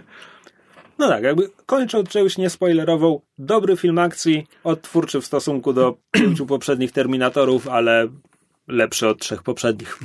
Tak jest. A, a jeśli chodzi o spoilery, no więc jest to film bezpośrednio kontynuujący historię z drugiego Terminatora i pierwszym, co ten film robi, jest flashback z komputerowo odmłodzonymi aktorami, w którym widzimy, że po tym jak spojrzeliśmy cały drugi film, kibicując Lindzie Hamilton, żeby obroniła swojego syna, e, syn zostaje odstrzelony w prologu. Tak. Skynetowi w końcu się udało. Znaczy, tak, ale nie, bo jakby ten film mówi, że jakby już w tamtym momencie już było po tej newralgicznej tak. chwili, kiedy zmieniła tę przyszłość. E, tak, no bo e, John Connor ginie w roku, który miał być już tam rok po dniu sądu. Mhm. Czyli już, już wtedy oni są, wiesz, rozluźnili się, prze, prze, przeświadczeni o własnym bezpieczeństwie, skoro im się udało, no ale są tutaj agenci wciąż wykonujący rozkazy, nie wiedzący, że wojna temporalna się skończyła, e, bo jest tam komputerowo odmłodzony Arni jako kolejny mhm. T-101, który eliminuje Johna. Ale też e, muszę powiedzieć, to jest czysto na marginesie, jest czysta kwestia techniczna, ale to odmłodzenie wyglądało naprawdę porządnie. Znaczy nie wybijało mnie tak jak... E... Mówisz o Lindzie Hamilton czy o Schwarzeneggerze? Jedno i drugie. Dla mnie Schwarzenegger wyglądał sztucznie, ale z drugiej strony jest maszyną w tej scenie, więc absolutnie mi to nie przeszkadza. Mm. Ale to znaczy, nie, miałem wrażenie, że zupełnie, zupełnie zapomniałem przez moment. Może to też jest kwestia tego, że nie jestem przyzwyczajony do oglądania e, Lindy Hamilton na ekranie, jakby starszej Lindy mm -hmm. Hamilton, więc znaczy młodszej zresztą też, jakby poza Terminatorami to tak naprawdę, a Terminatory ostatnio też oglądałem ładnych parę lat temu, więc nie mam dokładnego obrazu Lindy Hamilton w głowie, więc może dlatego nie zwraca to tak bardzo mojej, e, mojej uwagi w tym momencie. Znaczy, ja przede wszystkim byłem zdziwiony, że ta technologia poszła już do tego stopnia do przodu, że będzie w filmie, który jednak no to jest szósty Terminator, a nie najnowsza gigaprodukcja Disneya. Jakby. Nie wiedziałem, że to jest już tak rozpowszechnione. Znaczy, wiesz co, no, deepfake'i w tym momencie możesz sobie zrobić na, wiesz, na, na swoim komputerze no, okay. ten, więc to, to po prostu technologia, to nawet nie jest kwestia tego, że, że stać Terminatora, tylko po prostu ta technologia poszła na tyle do przodu, że już jest dużo bardziej dostępna niż, niż tych parę tak, lat temu. No, w każdym razie, więc prolog filmu nam pokazuje, że hej, tak, historia się zmieniła, historia się zmieniła do tego stopnia, że możemy odstrzelić Johna Connora i co nam zrobicie? Nic nam nie zrobicie. Przepraszam, e, jeszcze w kwestii, w kwestii tych twarzy, nawet jest, e, jeśli ktoś nie widział, jest na YouTubie filmik, w którym ktoś zrobił deepfake scen z Indiana Jonesa, w którym zamiast Harrisona Forda wkleił Thomas Eleka. Okay. I, to, to, jest, I to jest deepfake, który wygląda autentycznie przekonująco. E, więc jakby nawet możesz to sobie, wiesz, nawet w amator, całkowicie amatorskiej produkcji zrobić tak, żeby to wyglądało w miarę sensownie. Okej. Okay. No tak, i, i jednocześnie zabicie Johna Connora jest najoryginalniejszym pomysłem, który znajdziemy w filmie, no bo potem akcja przenosi się do 2019 i poznajemy naszą nową główną bohaterkę, Daniel Ramos, i nagle pojawia się maszyna, która będzie na nią polować, ale oczywiście ruch oporu z przyszłości wysłał też kogoś, kto będzie ją chronił. Tylko, że tym kimś jest e, Grace grana przez e, Mackenzie Davis, która jest e, człowiekiem wspomaganym technologią, jest, jest cyborgiem. Mhm. Mieliśmy cyborgi w Salvation, jakby to też nie jest oryginalny pomysł dla tego cyklu. Znaczy, Salvation to tak bardzo już nie pamiętam, że nie, nie kojarzę. Główny bohater to... był cyborgiem. Tak? tak? Po prostu? Po prostu. No, nic z tego nie wynikało ciekawszego. Znaczy, nie no. No, mi... o Jezu, no. Sam Worthington grał tam człowieka, który jakby nie, nie wie, że jest cyborgiem. A, jest racja. No. Zapomniałem, że sam Worthington był w tym filmie, no. pamiętam Christiana Bale'a tylko. Christian Bale był Johnem Connorem. E, tak, no i no, więc, więc mamy tradycyjnie, jak w każdym Terminatorze poza Salvation, mamy tego człowieka z przyszłości chroniącego kogoś mm. nieświadomego z teraźniejszości przed złą maszyną. Po czym w pierwszym akcie pojawia się e, Linda Hamilton w wieku obecnym, e, jako ta jakby. Po... I to jest w miarę ciekawe, ten, ten kontakt Sary Connor z, z Grace, gdzie ona, ona była mesjaszką poprzedniej przyszłości, która nigdy się nie wydarzyła, więc Grace nie ma pojęcia, kim ona jest, mm. A jednocześnie Sarah Connor ma w tym momencie tam 40 lat doświadczenia w walce z Terminatorami. Ich relacja jest, jest całkiem ciekawym elementem tego -hmm. filmu. Mm. No ale potem, jakby jeśli chodzi o sceny akcji, co, co tam mamy? No mamy długi pościg na autostradzie. Było w tym cyklu. Tak, mamy... to jakby to jest ewidentne. Też znowu tak, tak bardzo mocno przypomina mi ten pościg e, jakby z ciężarówką. Cały, cały, czas to, cały czas to widziałem. Mimo, że jakby jest w zupełnie innej w zupełnie innym otoczeniu, jakby no, zamiast ciężarówki mamy. Tym razem nikt nie jedzie motocyklem. Tak, jakby, ale, ale widzę po prostu tę scenę, którą to jest zainspirowane. I nie, I nie jestem w stanie o tym zapomnieć. Tak, no i, no i ściga ich oczywiście ten Rev 9, najnowszy Terminator, którego gimmick polega na tym, że on ma te moce co T-1000, ale jednocześnie wciąż te, ma też szkielet z twardego metalu, który może się jeszcze oddzielać, więc zasadniczo jest dwoma Terminatorami w jednym. Tylko to wcale nie jest jakaś nowinka, no bo to tak naprawdę jest tak, jakby ścigały ich dwa Terminatory. Mhm. Niespodzianka, Genesis to zrobiło. Tak, jakby to nie, wykorzy nie wykorzystuje też tego tak kreatywnie. naprawdę, skoro już i tak brali pomysły z poprzednich filmów, powinni byli dać mu moce y, Terminatrix. Y, Christiana Loken w trzecim mhm. Terminatorze mm. mogła kontrolować maszyny. Wtedy scenarzystom zabrakło wyobraźni, co tak naprawdę można by z tym zrobić. A gdyby to ktoś zrobił z pomysłem, to on mógłby być jakby dużo większym zagrożeniem niż, niż jest. Jasne. W filmie pojawia się też komentarz społeczny. No bo zaczynamy w Meksyku, a potem, a potem bohaterki próbują się przedostać do, e, do Stanów Zjednoczonych, więc, więc pojawiają się te obozy dla, dla mm. więźniów na, na południowej granicy Stanów Zjednoczonych. Nie wiem, czy zauważyłeś. Nie więźniów, zatrzymanych. Zatrzymanych. No tak, to jest ten komentarz społeczny. Nie wiem, czy zauważyłeś. Ja się zdziwiłem, ja się zdziwiłem, że to była jednak służba patrolowa, a nie konkretnie agenci ICE. Mm. Ale, ale, ale widocznie nie chcieli tak bardzo w, iść w komentarz społeczny.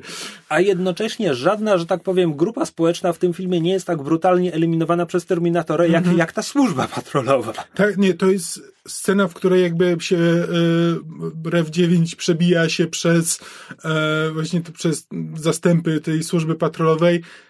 Ewidentnie jest nakręcona tak, żeby w odpowiednich społecznościach, tak to nazwijmy, w kinach w tym momencie ludzie wiwatowali. E, jakby to jest autentycznie, to jest autentycznie nakręcone tak, żeby to było e, to było przyjemne do oglądania. Prawda? Miałem wrażenie, że to jest scena, w której ja mam mu kibicować. Tak, absolutnie. Jakby te, miałem takie jednoznaczne wrażenie. E, wiesz, pewnie, że no, można by było tego bronić, może, może nie, ale jakby dla mnie, dla mnie jakby sprawa jest jasna. No pewnie, ktoś się może ze mną kłócić, ale... No tak. Mm. A, no nie wiem, jest, jest moment, w którym, w którym REF korzysta z dronów e, amerykańskich i znowu miałem takie, no, no, no tak, mogło być tego więcej. Jakby to, to jest dobry pomysł. Czemu robi to tylko raz? E, są... A, a, przepraszam, jeszcze do tej służby patrolowej. A przy tym jakby ta służba patrolowa w samym filmie wcale nie jest pokazana jako bardzo zła. Jakby tam nie ma żadnych scen, w których byśmy widzieli jakby najgorsze, co robią, to, że y, tam jedna strażniczka nie chce uwierzyć y, w głównej bohaterce. Że ścigają morderczy że, robot. Tak, dokładnie. I to, to jest, jest dowcipem powtarzanym w każdym kolejnym filmie. Tak, więc jakby w, to, to nawet nie jest to, że sobie wiesz, że można by było to obronić, że no, film stworzył wizję bardzo złych strażników, więc, więc zasłużyli jakkolwiek na ten los, tylko no jakby ewidentnie mamy to powiązać, ten, ten, ten gloryfikujący moment mamy powiązać z realnymi służbami. A jednocześnie, skoro ten film, sarkazm, porywa się na komentarz społeczny mm -hmm. i to jest tutaj coś, co może byłoby zbyt oczywiste i dlatego tego nie zrobili, ale wyjaśnię kontekst. E, James Cameron mówił, mówił to już bardzo dawno temu, czemu w drugim Terminatorze Robert Patrick przez cały film wygląda jak policjant, jako że no bo policjanci w naszym społeczeństwie są jakby, mają autorytet, a jednocześnie wszyscy się ich trochę boimy, no bo wiemy, że tam różnie bywa z policjantami, mhm. e, zwłaszcza, że to jest biały policjant i w ogóle. Więc zły Terminator w tym filmie jest grany przez Gabriela Lunę, co ma mnóstwo sensu przez pierwsze pół filmu, kiedy jest w Meksyku. Powinno być dwóch aktorów, którzy go grają. W momencie, w którym on przekracza granicę i jest w Ameryce, mhm. powinien zamienić się w białego. Mhm. Jeśli już chcemy dodawać komentarz społeczny do tego filmu. Mhm, A jest, on tak, jest latynoskim strażnikiem pogranicza. Coś tam nie działa. Znaczy, nie, nie działa. Ja przepraszam, ale po prostu zacząłem, zacząłem teraz myśleć, jak właśnie jak o tym wspomniałeś, że że jakby w latach, w latach 90. jakby ten komentarz społeczny dotyczy, dotyczący jakby roli policji e, w policji, w społeczeństwie, jakby mam wrażenie, że był dużo bardziej rozwinięty niż teraz sobie na to pozwalamy, mimo że jakby jest to dużo bardziej w, jakby w dyskursie się pojawia dużo częściej i jakby dużo jaśniej. Tak. E, no i co jeszcze można w tym filmie zaspoilować? No można zaspoilować, jak tutaj pojawia się Arnold Schwarzenegger. Znaczy inaczej, nie wiem, czy miałeś takie wrażenie. Ja miałem takie wrażenie, że twórcy zrobili film, a potem agencja marketingowa wycięła im zwiastuny do niego, które pokazywały zdecydowanie za duże, jak na mój gust. Bo na przykład masz początek filmu, w którym pojawia się e, z przyszłości goła Mackenzie Davis i najpierw jest oszołomiona, ok, ale potem pierwsze co robi, to morduje ludzi z nadludzką prędkością. I ja miałem takie, to wygląda trochę tak, jakbym ja miał myśleć, że ona jest Terminatorem, mhm. ale każdy jeden zwiastun już mi powiedział, że ona jest dobrym cyborgiem z przyszłości. Mhm. I no, i, no nie wiem, mam wrażenie, że film zdaje się sugerować, że to mogła być jakaś niespodzianka, tylko wiedziałem o tym od miesięcy, bo, mhm. bo zwiastuny. E, tak samo e, Schwarzenegger nie wiem, no można było ukrywać, że jest w tym filmie, ale to pewnie by i tak by wyciekło. W każdym razie Schwarzenegger jest w tym filmie jako stary Terminator i to jest nawet ciekawe. Ciekawe, czy to jest ciekawe? Na, czy to jest ciekawe? Na pewno to mogło... jest pytanie, które się często pojawia w tym filmie.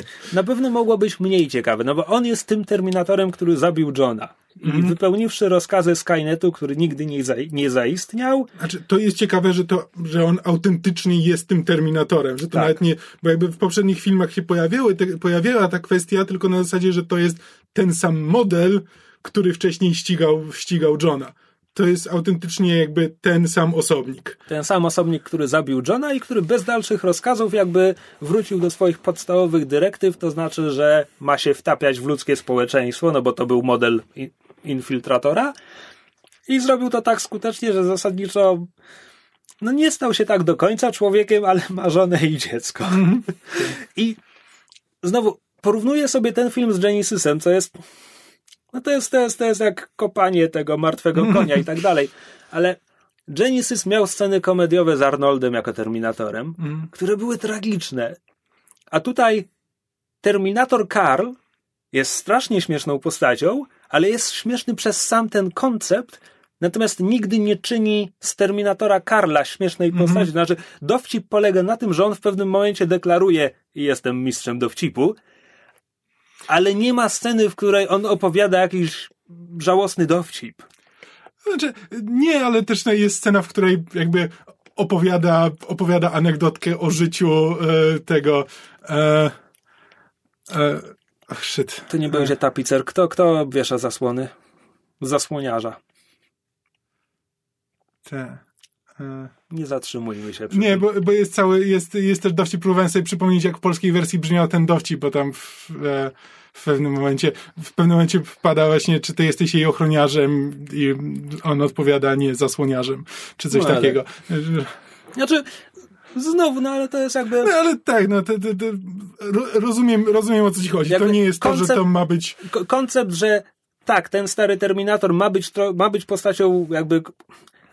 Właśnie jego pojawienie się na ekranie ma być comic reliefem, ale sama jego postać nie jest. I to jest ta kosmiczna różnica między tym filmem i to, to, jakby, Genesisem. to jakby wciąż jest ten Terminator, tylko po prostu jakby jego, jego programowanie jakby doprowadziło logicznie do tego punktu, że stał się taką postacią, a nie to, że teraz scenarzyści zrobili z niego śmieszkowatego Terminatora. Tak. Um, czy jest tutaj coś jeszcze do zaspoilerowania? No ja mogę tylko wyliczać jakby pomysły, które były już w poprzednich y, filmach, no bo na przykład kiedy w finale Grace mówi, że hej, jedyny sposób, żeby pokonać Rewa to wyjąć moje źródło zasilania. To jest finał mm. trzeciego Terminatora. Mm. Znaczy jest jeszcze e, i to jest, to jest jeden z moich takich zastrzeżeń do tego filmu największych prawdopodobnie e, Boże, jak się nazywa główna bohaterka, nasza postać? Postać? Daniel Ramos. Daniel Dani. Ramos. Tak, Dani. Um, do, dowiadujemy się w, w, tam blisko finału, że to nie, tym razem nie chodzi o to, że Dani ma być matką e, przywódcy ruchu oporu. Tak, co, co Sarah Connor zakłada tak. przez e, cały film. Tylko ona jest tą przywódczynią ruchu oporu. E, Kto by się spodziewał tego twistu? Tak. E, a przy tym to jest taki miałem bardzo mocne skojarzenie. E, jest e, wideo essay e, Lindsay Ellis, niedawny Woke Disney, w którym ona mówi jakby o nowych ekranizacjach, znaczy tych aktorskich ekranizacjach animacji, animacji w których jakby zwraca uwagę na to, że te adaptacje Zamiast na... tak naprawdę walczyć z tym, co w tamtych filmach było autentycznie problematyczne, to one tylko w sztuczny sposób pompują na przykład swoje bohaterki i Dokładnie. udają, że to jest feminizm. Tak, mimo że jakby te bohaterki zawsze były, e, zawsze były silnymi postaciami i jakby i tylko podkreślają te cechy, a nie zmieniają rzeczywiście. I tutaj właśnie dokładnie, dokładnie mamy to samo, bo jakby jakby Sarah Connor zawsze była postacią z, jakby z podmiotowością, e, z silną osobowością. Jakby to nigdy nie był, e, to nigdy nie był jej problem. E, jakby w, później Genesis próbował to jeszcze w dodatku tam podkręcić, podkręcić bardzo mocno, jakby zrobić z niej wiesz, Buffy na zasadzie, wiesz, strong female character, która po prostu potrafi kopać, kopać dupy. No ale to jakby to jest.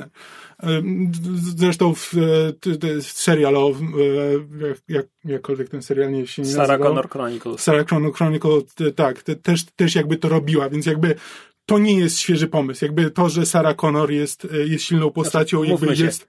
Terminator 2. Tak, nie, mówię, to jest w oryginalnych filmach, a późniejsze sequele, jakby każdy kolejny sequel to jeszcze bardziej podkręcał i jeszcze bardziej podkreślał. Więc jakby to nie jest nic nowego. I też, też jasno wynikało z tamtych filmów, że jakby John Con, znaczy tak, że John Connor jest tym silnym, dobrym dowódcą, ponieważ jest synem Sary Connor. Został wychowany przez Sarę Connor, a nie, że Sarah Connor jej życie nabiera sensu tylko dlatego, że ma urodzić dobrego, silnego przywódcę. Mhm. E, więc y, cały ten tekst, e, który on mówi, że nie masz tylko urodzić przywódcy przyszłości, sama jesteś przyszłością, jakby on brzmi jakby nie tylko fałszywie, ale wręcz obraźliwie. I to nie tylko dla, dla samej Sary Connor. Ale też dla poprzednich filmów. Nie, nawet dla kobiet, dla których jakby bycie matką jest ważną częścią ich, ich życia, ich osobowości. Bo e, jakby to nie chodzi o to, że to jest złe przesłanie dla filmu, jakby absolutnie można tego typu przesłanie zrobić na zasadzie, że to y, jakby to, czy, że jesteś matką, jakby to, kim będzie twoje dziecko, jakby nie definiuje też ciebie, możesz, możesz być też, y, możesz być też silną osobą jakby na własnych, na własnych warunkach, ale jakby seria o Terminatorze nie jest dobrą serią do wprowadzania tego. Rozumiem, rozumiem twój argument, jest jakby bardzo dobrze uargumentowany na obronę filmu chcę tylko powiedzieć, że ja trochę kupuję to jako coś, co może powiedzieć złamana życiem i rozgoryczona Sarah Connor, której syn zginął te 30 lat temu, która 30 lat temu straciła sens swojego życia. Ale tego w filmie nie mówi Sarah Connor. Znaczy w sensie to, że ty jesteś przyszłość, że nie masz tylko urodzić... Yy... Nie, czekaj. To Sara, to Sara mówi, Daniel. Hmm. Grace nie, Grace nie ma powodu tego mówić, bo Grace to wie przez cały mm. czas. Byłem przekonany, że to mówi Grace, ale rzeczywiście masz rację. Nie, nie, to, to była Sara. No, ale, Znaczy tak. no, Argument pozostaje dobry. Nie, jakby, jakby wciąż, wciąż przy nim obstaję, jakby wciąż uważam, że to po prostu jakby Sarah Connor nie jest postacią, z którą należało to zrobić. Jakby to, to nie była postać, która miała ten problem jakby oryginalnie. E, w, więc jakby robienie z tego problemu tutaj jakby trochę wydaje mi się po prostu nie na miejscu. Z, jakby z, z wielu względów. Znaczy, a rozumiem, rozumiem, chyba nie do końca się zgadzam. Wydaje mi się, że jakby Sarah Connor, taka jaka jest przedstawiona w tym filmie, Nie, nie, w ramach tego filmu to ma sens i mówię, to nie jest tak, że to jakby samo mam problem z samym tym przesłaniem, tylko po prostu w kontekście jakby, w szerszym kontekście jakby całej serii i tego właśnie, tego jakie miejsce zajmuje Sarah Connor w, w popkulturze, to jakby y, tutaj mi to nie pasuje. To nie jest to, że to, to, ta kwestia nie ma sensu w filmie ona po prostu, ona po prostu mi nie pasuje do jakby do postaci Sary Connor, tego z czym ją kojarzymy, bo jakby słyszałem, to nie jest tak, że zupełnie nie słyszałem tego typu argumentów, że no, że jakby, że e, Sarah Connor jest tą postacią, która ma urodzić e, przywódcę, e, przywódcę przyszłości i tak dalej, ale to zazwyczaj było na marginesie, jakby z, Sarah Connor jest w dużej mierze uznawana za ciekawą, jakby silną kobiecą postać, właśnie też dlatego, że jest matką. Jakby tego typu, e, tego typu postaci e, poprowadzone dobrze, to jest e, może nie chcę, nie chcę mówić, że rzadkość, no bo jakby trudno, trudno mi to w tym momencie poprzeć, ale jakby, ale jest jest to interesujące, więc w tym momencie jakby próba podważenia tego, jakby takie subverting expectations, to jakby to nie są, to nie są expectations, które ja miałem, które zostały w tym momencie subwertowane, tylko trochę zostały wymyślone na potrzeby tego filmu. I właśnie i to o to mi chodzi, że to jest tak jak ten Walt Disney, na zasadzie, że twórcy wymyślili sobie jakiś problem, który nigdy nie był problemem i jakby poprowadzili go skutecznie w tym filmie, ale niepotrzebnie. Z drugiej strony, jeśli chcielibyśmy spojrzeć na to trochę inaczej, e, znaczy ja uwielbiam Sarę Connor w drugim Terminatorze, ale jest taki argument, że jej postać sprowadza się do bycia mamą niedźwiedzicą, tą kobietą, która może być Pewnie. twardą bohaterką filmu akcji tylko w obronie swojego dziecka. Zwłaszcza, że jest to film Jamesa Camerona, który nakręcił również Obcych 2, w którym Ellen Ripley może być twardą bohaterką filmu akcji dopiero w obronie dziecka. E, I które potem po tamtych filmach jakby jeszcze ten, ten wzorzec tej matki niedźwiedzicy, która jakby urwie komuś głowę, żeby obronić dziecko swoje albo przybrane, no, stało się czymś w rodzaju kliszy potem. A z drugiej strony Sarah Connor, taką jaką mamy w tym filmie, jako kobieta pod 60, już po 60, ja nie wiem ile lat też nie ma. Linda Hamilton, ani tym bardziej nie jestem w stanie teraz policzyć ile, ile lat powinna mieć jej postać w tym filmie, no ale 60 iż, która prowadzi kampanię wiek, w zemsty. wieku Nisonowym. Tak, która prowadzi kampanię zemsty przeciwko maszynom i która już w tym momencie nie, nie robi tego w obronie swojego dziecka, ponieważ ono nie żyje od 30 lat. To jest typ bohaterki, którego nie mamy często w filmach akcji. Znaczy to, znaczy, to jest zazwyczaj typ, który jest, e, to, to jest typowo męski jakby mężczyzna. scenariusz. Tak, że na zasadzie stracił wszystko, stracił całą rodzinę, więc teraz poświęcił się sprawiedliwości. E, I zabija się na śmierć. To jakby, Tak. to, to jest mężczyzna w filmach zazwyczaj. Także... jasne. jakby- Mhm. Przyjmuję to. No.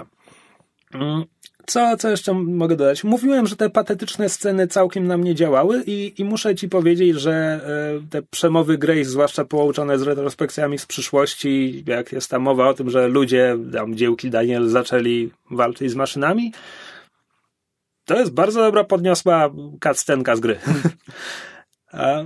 Całkiem, całkiem to działa, przynajmniej z oryginalnymi dialogami. Nie wiem, jak wyszło w dubbingu.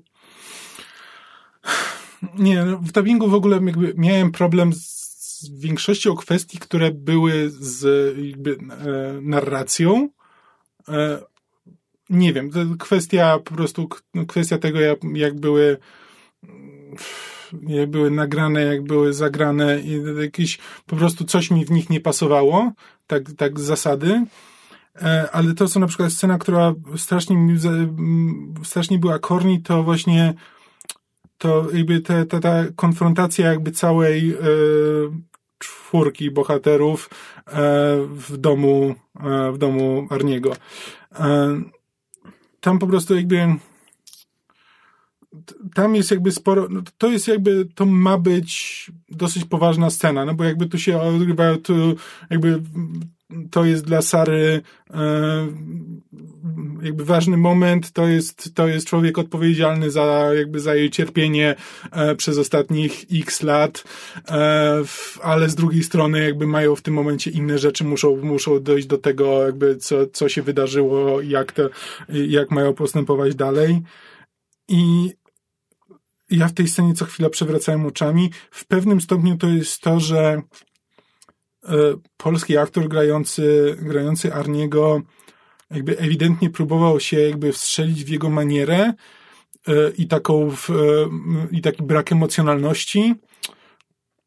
Przy czym jakby u Schwarzeneggera on jest dosyć naturalny, jakby Schwarzenegger nawet kiedy próbuje grać emocjonalnie, to jest, to jest drewniany, bo po prostu, bo po prostu taki jest. E, a kiedy ktoś jeszcze do tego dodaje zamierzoną sztuczność, e, to, to wychodzi podwójnie sztucznie. Mm, no i też mówię, te, te wszystkie kwestie były nagrane tak teatralnie, że miałem, e, że to co, co chwila po prostu każdy, każdy taki większy, poważniejszy tekst jakby wywoływał mnie przewrót oczami. No, no, nie wiem, no, jest, jest, jakby mi ktoś powiedział, że to dlatego, że jestem uprzedzony do dubbingu, nie jestem w stanie powiedzieć, że absolutnie nie, że to nieprawda. Jest to możliwe, ale, z, ale miałem, miałem naprawdę spory problem z tym, jak, jak dubbing wpływał na odbiór, na mój odbiór tego filmu mimo że wcale nie uważam, że jakby, że był źle zrobiony. To nie jest tak, że ja uważam, że ten dubbing, że ten dubbing jest zły.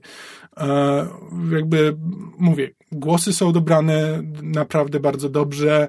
E, wiesz, nie czułem dużo sztuczności w tym jakby, mm, że to jest jakiś zupełnie obcy głos wydobywający się z, e, z aktorów. E, tylko po prostu takie drobne, właśnie drobne rzeczy, jakby to, w jaki sposób są wypowiadane kwestie sprawiało, że y, zupełnie, zupełnie mnie wybijało, jakby i sceny nie wybrzmiewały w taki sposób, jaki powinny. Znaczy te sceny, które powinny być śmieszne, nie śmieszyły mnie tak bardzo, jak powinny. Te sceny, które powinny być podniosłe i poważne, e, w, tylko stawały się bardziej patetyczne i E, niestety, nie wiem. Może, wiesz, może gdybym oglądał w życiu więcej dubbingów, no to po prostu byłbym trochę bardziej przyzwyczajony do pewnej specyficznej, nie wiem, maniery i tego, tego jak dubbingi są robione, ale e, ale bardzo mocno to wpłynęło na mój odbiór tego filmu. No, to oczywiście kwestia subiektywna, ale ja mogę tylko powiedzieć, że jeśli o mnie chodzi, to z aktorskiego punktu widzenia tutaj wszystko dla mnie działało. Mm -hmm. po, po angielsku. A Chciałem jeszcze wrócić do Rewa Dziewiątki na moment, bo ja mam wrażenie, że na niego był pomysł, który się trochę zgubił w filmie. Wydaje mi się, że miało chodzić o to, że kiedy on jest rozdzielony na swoją miękką skórkę i metalowy szkielet, to mamy wyraźnie zauważyć inne właściwości jednego i drugiego, bo tam w finałowej walce przede wszystkim są sceny, kiedy, kiedy Grace, wiesz, po prostu machając łańcuchem jest w stanie ciąć go na kawałki, kiedy mm -hmm. on mhm. nie jest na swoim metalowym szkielecie, co pokazuje nam słabość tego, mm -hmm. tej, tej miękkiej wywłoki. Natomiast nie jestem w stanie nic powiedzieć o jego tym, tym, tej szkieletowej części, bo on jest z kolei zbyt plastyczny. Jeśli, jeśli to miał być podział na to, że on jest jednocześnie T-1000 i klasycznym Terminatorem, to wtedy przeszkadzają mi sceny, w której ten metalowy szkielet może się powy- połamać praktycznie tak, że ręce mu pod niewłaściwym kątem mm. zwisają, a potem jak, jak pacynka na linkach nagle się podnosi wbrew prawom fizyki i wszystko wraca na swoje miejsce, no to, no to ten szkielet też jest plastyczny, a nie powinien być, żeby... Tak, jakby nawet w tym filmie widać, że jakby T-800 e, kiedy... To on, ono sobie mówi T101. Ja całe życie byłem przekonany, że Arni to jest model T800, bo chyba w tej starej grze na Atari był tak oznaczony. Byłem przekonany, że on też w późniejszych filmach... Cy Cyberdyne Model 101. On to mówi nawet w tym filmie. Huh. Ale ja też jakby 20 lat życia byłem przekonany, że on jest T800. Okej, okay. no ale tak czy inaczej, jakby w oryginalnych filmach to ten model, jakkolwiek by się nie nazywał, e, szczególnie jakby w finale, jakby tracił części. Jak, traci, jak tracił rękę, to już nie miał ręki. I później jakby w drugim Terminatorze to samo. No, jeśli coś mu się stało, to to już była permanentna, perman, permanentne uszkodzenie. Tutaj ten E, jakby ten szkielet nie ma tego problemu. W związku z czym jakby największa wada e, tego modelu, który jakby ten ma udawać, nie istnieje. Tak naprawdę. Bo, no właśnie, i, i, ponieważ ten jego szkielet jest taki plastyczny i tak dalej, to mamy takie, no to co właściwie mu daje to, że jeszcze ma tę skórkę? No okej, okay, jest w dwóch miejscach naraz, ale... No tak, no i może, może sobie wytwarzać ostrza. Mm, tylko, że też no, to jest takie, że on może z tym robić praktycznie wszystko. Ja mam wrażenie, że jakby w drugim Terminatorze widzieliśmy więcej ciekawych wykorzystań tej mocy niż w tym filmie.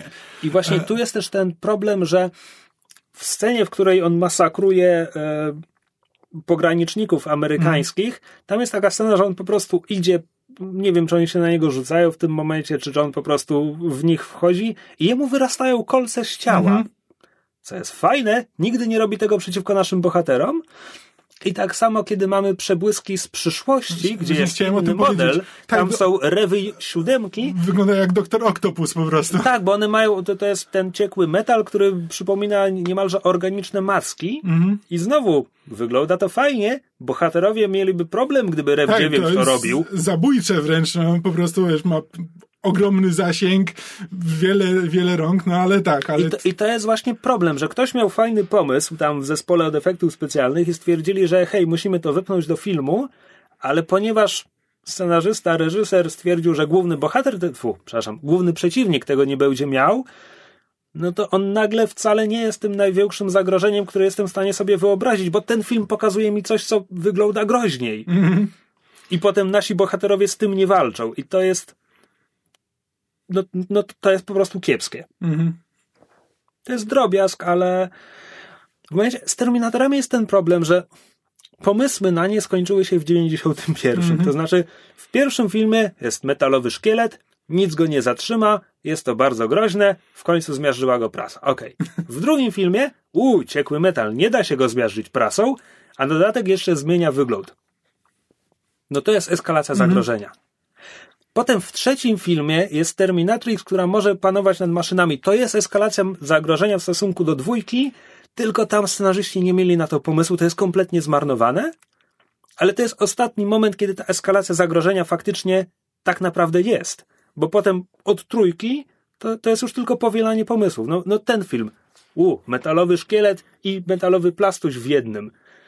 Czyli powielamy dwa różne pomysły z dwóch różnych filmów i to jest oryginalne? No nie. Tak, ale też e, samo też to rozwiązanie, no bo e, tutaj się okazuje, że tak, ponieważ Sara powstrzymała powstanie Skynetu, no to jakby Skynetu w przyszłości nie ma. No ale oczywiście wojsko stworzyło inną sztuczną inteligencję, która też się zbuntowała i też przejęła władzę. Um, ale z jednej strony jakby rozumiem, że to nie jest tak, że to ma być coś innego to jest jakby, film nam próbuje powiedzieć, że jakby to nie ma znaczenia, że jakby ten, to zagrożenie jakby istnieje niezależnie od tego, czy jedno konkretne rozwiązanie się powstrzymało, czy nie.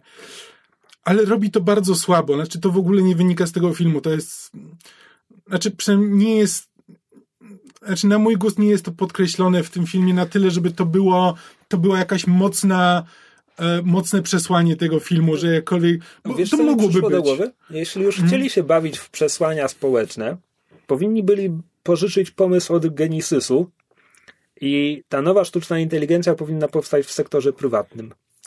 Że to, hmm. że to nie jest e, zły program wojskowy, tylko wiesz, wyszukiwarka. Bing wymordował ludzkość. No tak, to przynajmniej by. Bo te. Albo powinni zrobić z tym coś nowego, że to jest jakby nowe zagrożenie, że jakby to nie jest Skynet, to jest coś innego, albo powinni podkreślić, że jakby Skynet zawsze powstanie, tylko nie zawsze powinien, nie będzie, nie zawsze będzie się nazywał Skynet. E, ale to z kolei, no to Znaczy, jakby... no, Legion, jakby Legion niczym się nie różni od Skynetu. No tak, tak, tylko że to jest taki, że wiesz, że no jest ten jeden... To nie jest tak, że ja mam konkretny pomysł na to, co mogli tutaj zrobić, no bo to jakby to by wymagało, wiesz, pokazania wielu różnych pętli, na zasadzie w każdej pętli powstaje inny, wiesz, raz, raz się nazywał Skynet, raz się nazywał Legion, raz się nazywało jeszcze, jeszcze coś innego. Genisy spróbował iść tą drogą. No tak, to jakby... Znaczy nie, no, być może, być może za mało kradnie ten film z pozostałych, e, z pozostałych e, filmów, no ale tak trochę miałem wrażenie, że no, jest tam jakiś pomysł, który nie bardzo jest wykorzystany i tak naprawdę no to równie dobrze mógłby być Skynet. Tak, To że to, już... to, że to jest Skynet, ale pod inną nazwą nie jest, nie jest częścią jakby przesłania tego filmu, a z drugiej strony nic nie zmienia. No, no tak. Znaczy, może właśnie chodziło o to, że, że nic się nie zmienia, Mm. że to jest... No tak, tak, nie, ew- ewidentnie, ewidentnie to jest jakby świadomy zabieg. To, że jakby, to, że Legion jest Skynetem, tylko nie nazywa się Skynet, to jakby jest świadomy zabieg. Jakby ewidentnie ma też służyć do tego, że jakby to, to się wydarzy, to nie jest, to nie jest przeznaczenie, to nie, zresztą no ten film mówi, no to jakby nie ma, nie ma przeznaczenia w tym, e, w, w tej serii.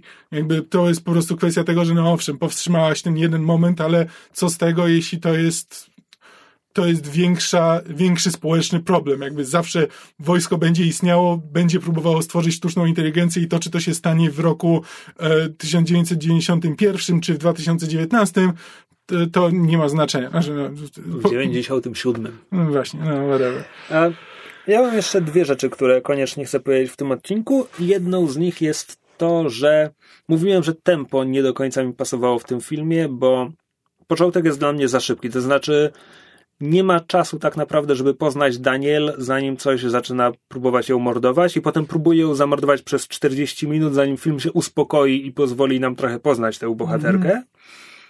I też potem w, dru- w drugiej połowie filmu akcja z samolotem była moim zdaniem zbyt długa. Mhm. Znaczy, ja autentycznie w pewnym momencie e, stwierdziłem, że Jezus Maria, czemu ten film jest taki długi? Tu nie ma na tyle fabuły, żeby uzasadnić dwie godziny trwania tego filmu. Ten film nie trwa dwu, dwóch godzin, jakby jak sprawdziłem, w momencie, kiedy to pomyślałem, znaczy nie wiem ile on trwa, ale w momencie, kiedy to pomyślałem, minęło półtorej godziny. E, Znaczy, tak, akcja w samolocie jest zdecydowanie zbyt długa i jeszcze oni wykorzystali. To jest tak, to jest film akcji. Ja nie oczekuję od niego, że on zawsze będzie trzymał praw fizyki, natomiast oni wykorzystują tutaj. Są te wielkie transportowe samoloty wojskowe, które potrafią się wzbić i potem zacząć opadać tak, żeby nieważkości. symulować nieważkość na swoim pokładzie. I oni wykorzystują fakt, że są takie samoloty, żeby powiedzieć, że no, jak taki samolot zacznie spadać, to tam będzie nieważkość potem przez 15 minut i pozwoli nam zrealizować całą tę scenę akcji. No i ja tego nie kupuję, a jednocześnie a jednocześnie zastanawiam się, czy oni pokazali to na tyle wiarygodnie, że jeśli ten film ogląda ktoś, kto o tym nie wie, że są te samoloty, które to robią, czy to, czy to nie jest tak, że ludzie będą się zastanawiać, ale czemu oni tutaj latają i Tak, tak. gdzie się podziała grawitacja? tak, tak się nagle zmienia film Łosia i wszyscy to zaczynają latać i bić w powietrzu, tak jak w Dragon Ballu. Tak, no i zresztą znowu nawiązujemy tutaj, znaczy ten film jest bezpośrednią kon- kontynuacją Terminatora dwójki, w którym jednak ta akcja była taka dość przyziemna, to znaczy oczywiście tam się działy niewiarygodne rzeczy, no bo dwa roboty się ze sobą biły, ale jeśli chodzi o prawa fizyki, to zasadniczo tam w miarę działały w tych filmach. No a jak tutaj przez pięć minut spadamy y, tym samolotem i tam pięć razy wybuchają różne rzeczy, ale samolot wciąż się trzyma i wciąż leci na autopilocie, a potem jeszcze to spadanie tym, tym hamerem, czy Humvee, czy cokolwiek to było, no to już jesteśmy tutaj blisko tej filmowej e, drużyny A i spadania czołgiem, który spowalnia upadek, bo zaczyna strzelać w ziemię. Z... Tak. Dobrze pamiętam, to było w tym filmie, czy ja to Nie, wymyśliłem? nie, to było, to było w drużynie A. No właśnie, więc jesteśmy już blisko takiej kreskówkowej bzdury. No, no to się zmienia w szybkich i wściekłych, jakby na końcu. Tak. A druga rzecz, którą jeszcze koniecznie chciałem powiedzieć, to jest to, że e, Genesis był oczywiście, jak wszyscy dobrze wiemy, początkiem nowej trylogii Terminatorów. Mm. I dlatego miał fabułę, która, że tak powiem, kompletnie się nie zamknęła w tym filmie, bo był tam na przykład Matt Smith, który nie został wyjaśniony Ty. i co najmniej jeden z Arnoldów Schwarzeneggerów też nie miał tam swojego wyjaśnienia, by miały być wyjaśnione w przyszłych filmach. Ile, kiedy był Genesis? Ile czasu minęło? E, był chyba w 2015. Wow, cztery lata minęły od Albo, wraż... albo 2016. Mam wrażenie, że to było dopiero co.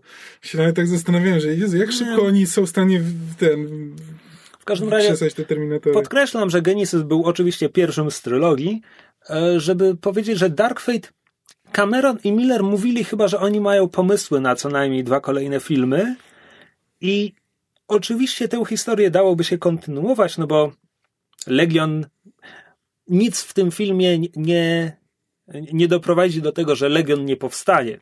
Więc... To, to jest autentycznie 2015 i to jest czerwiec 2015 no roku. Wow. E, więc, więc jest miejsce, żeby kontynuować tę historię, a jednocześnie Dark Fate jest zamkniętym filmem. To znaczy, tak, Legion tutaj nie został pokonany, no ale Skynet nie został pokonany w pierwszym Terminatorze. Zawsze była mowa o tym, że jakby Sarah Connor przeżyła, więc w przyszłości ludzkość będzie miała szansę. I tutaj mamy to samo. Daniel mhm. przeżyła, więc w przyszłości ludzkość będzie miała szansę. A ponieważ ten film zarobił na razie 130 milionów dolarów, ale ponoć to jest rozczarowująca liczba. E, znaczy ja, ja dzisiaj widziałem, czy nie czytałem samego e, artykułu, ale widziałem tylko nagłówek, że jakby wyniki box office'u pogrzebały szanse na e, jakby, znaczy pogrzebały serię Terminatora.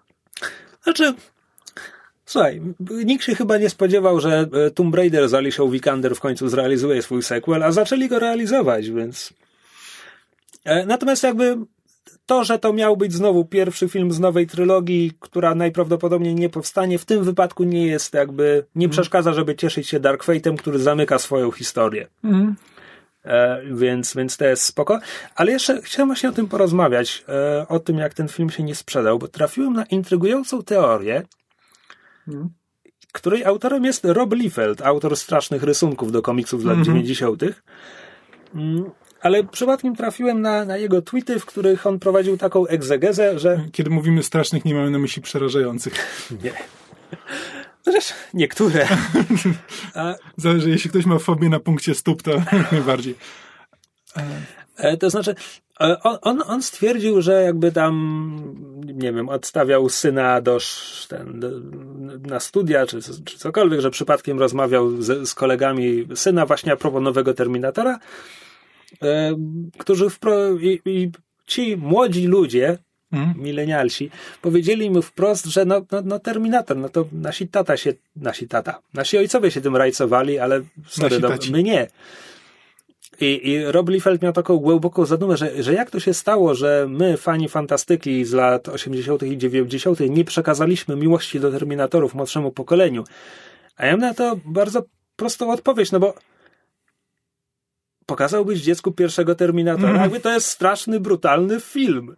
W mm. momencie, gdy to dziecko ma lat 12, spoko, tylko że z kolei tu już mówimy o nastolatkach, którzy nie chcą oglądać tego, co rodzice im wciskają. Mm. Więc jakby dla mnie jest absolutnie zrozumiałe, że miłość do Terminatorów nie została przekazana z pokolenia na pokolenie, bo to nie jest taki film, to nie, to nie jest kosmiczna bajka jak Gwiezdne Wojny, żeby oglądać to z dziećmi. Tak, poza tym jakby to, to nie jest tak, że Terminatory, dwa pierwsze Terminatory się jakoś zdezaktualizowały bardzo, ale też znaczy, nie mówią one, nic się... nowy, znaczy w tym momencie oglądając jakby Terminatora pierwszego czy drugiego, to nie jest tak, że te, te, te w latach 90. no to to przesłanie jakby o technologii, jakby o tym, wiesz, o tym czym się y, dokąd prowadzi, nie było może nowe, y, ale jednak, ale jednak było dla ludzi dużo bardziej interesujące jakby ta to zainteresowanie tym, do czego ten y, rozwój technologii, który nagle, nagle przyspieszył, y, będzie, będzie ostatecznie prowadził, to było, to było autentycznie ciekawe, ale w tym momencie jakby ludzie są tak przyzwyczajeni do tego, jak, jak szybko, e, jak szybko e, ten, ten postęp następuje. I bunt maszyn w tym momencie jest memem, znaczy to, że w którymś momencie Siri się zbuntuje i zacznie nas mordować, to jest po prostu to jest po prostu mem, to jest żarcie, który się przewija przez internet wszędzie, więc to nie jest tak, że to będzie, to będzie cokolwiek interesującego dla młodego pokolenia. No a w... Poza tym zmiany klimatyczne zabiją nas szybciej niż maszyny. Dokładnie. Więc jakby no jako film akcji, no to wciąż no, Terminator pierwszy, Terminator drugi działa. No ale to też nie jest tak, że to samo w sobie, to samo w sobie zrobi na kimś bardzo duże wrażenie. No, one są, one wciąż są zaskakująco dobrymi filmami, mimo jakby upływu czasu. No ale też podejrzewam... No, a, a jednocześnie ale... teraz, jeśli mamy, wiesz, dwudziestoletniego widza, który jakby lubi fantastykę i tak dalej, musi na dodatek być koleserem staroci, żeby wrócić do Terminatora pierwszego, znaczy, drugiego. tak, musi mieć przede wszystkim jakby, musi umieć doceniać na przykład efekty, yy, znaczy techniczne efekty specjalne, znaczy, pra, przepraszam, praktyczne efekty specjalne, yy, żeby, żeby na przykład... Ale no, dwójka to, to już komputer, T-1000 to komputer. No tak, no ale, ale wciąż jakby sporo, ale no pościg, pościg z ciężarówką i tak dalej, jakby no tak. sporo jest tam wciąż, e, wciąż tych praktycznych i, a to jest też coś, to jest jakby docenianie czegoś, czego nie spodziewam się po e, nastolatkach, e, które jakby no w tym wszystko będzie dla ciebie nowe, jak, jak masz tych kilkanaście lat, no to jakby nie będziesz dostrzegał tych, tych, tych subtelnych różnic. No tak, no, z drugiej strony a jeśli ktoś obejrzał pierwszego i drugiego Terminatora, no to żaden z tych sequeli poza Salvation nie opowiada mm. nowej historii na litość. Ile razy można oglądać film, w którym ktoś z przyszłości chroni kogoś z teraźniejszości przed, ma przed maszyną z przyszłości? No, zrobili ich już pięć. Tak, no, znaczy to, to tak, to, to też jest prawda, że w tym filmie jeśli ktoś ma sentyment do postaci, to jak najbardziej to ten film będzie miał dla niego sens, i będzie chciał go obejrzeć. Natomiast jeśli nie, jeśli ktoś nie ma sentymentu do samej serii Terminator, to ten film nie ma już nic do powiedzenia. E, co by nie było powiedziane, wiesz, tysiąc razy, tysiąc razy wcześniej na tysiąc różnych sposobów. W tym przez inne filmy z tej samej serii, no. Więc troszkę nie, no właśnie to, to jest ten problem, że jakby starzy widzowie nie bardzo mają po co to oglądać, nowi widzowie tym bardziej. Po prostu nie ma, nikt nie ma nowego pomysłu na Terminatora i to jest największy problem tej serii. Wszyscy są tak bardzo mam wrażenie, że no bo jakby każdy film się opiera na tym samym, jakby, że nie wiem, czy twórcy po prostu mają takie poczucie, że no no Terminator, Terminator jest serią o ludziach bronionych przez maszyny i ściganych przez maszyny. I znaczy, no znowu, Salvation miało na siebie pomysł. Okej, okay, możemy opowiedzieć historię w tym świecie w przyszłości. Mm. I spoko. To nie był dobry film, ale miał, to był jedyny film, jakby mm. po pierwszym, który miał na siebie oryginalny pomysł.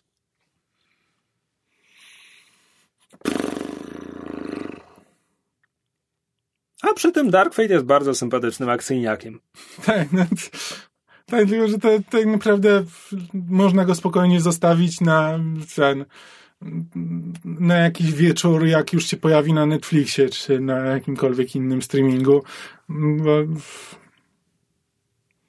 znaczy, to, to, to, nie jest tak, że nie, nie, wygląda jakoś świetnie, nie ma, nie ma tam żadnej.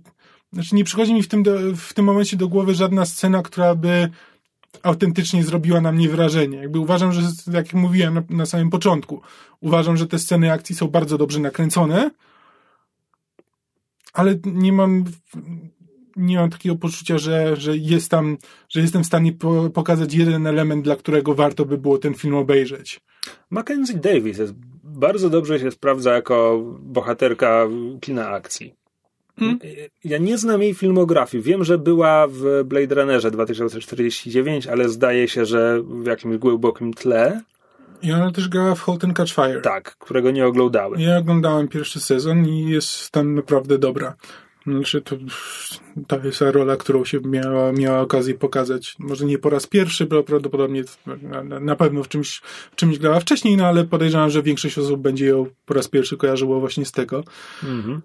Natomiast w finale, kiedy jest ta ostateczna walka z Rewem Dziewiątką, tam jest strasznie dużo zwolnionego tempa i ja miałem wrażenie, że ono mi nie podkreśla tego, jak fajna jest ta akcja, tylko właśnie rozbija tempo i że byłbym pod większym wrażeniem scen akcji, gdyby one się rozgrywały bez tych, bez tego zwolnionego tempa, bo okej, okay, może wtedy to byłoby, wiesz, za szybkie, żeby oko za tym nadążyło, czy cokolwiek, mm.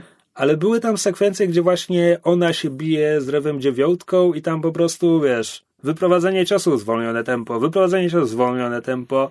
Tak, ale też zobacz, ile jest scen, w których e, rew dziewiątka wyskakuje z czegoś, na naszych bohaterów i za każdym razem to jest pokazane w zwolnionym tempie. Mhm. Za każdym razem on ten skok wykonuje w zwolnionym tempie, mimo że na przykład jakby kiedy helikopter, ten, znaczy ten helikopter, którym on ich ściga, wybucha i on wyskakuje, to jakby ja wiedziałem, że on z tego helikoptera wyskoczy, no bo to było, to było oczywiste.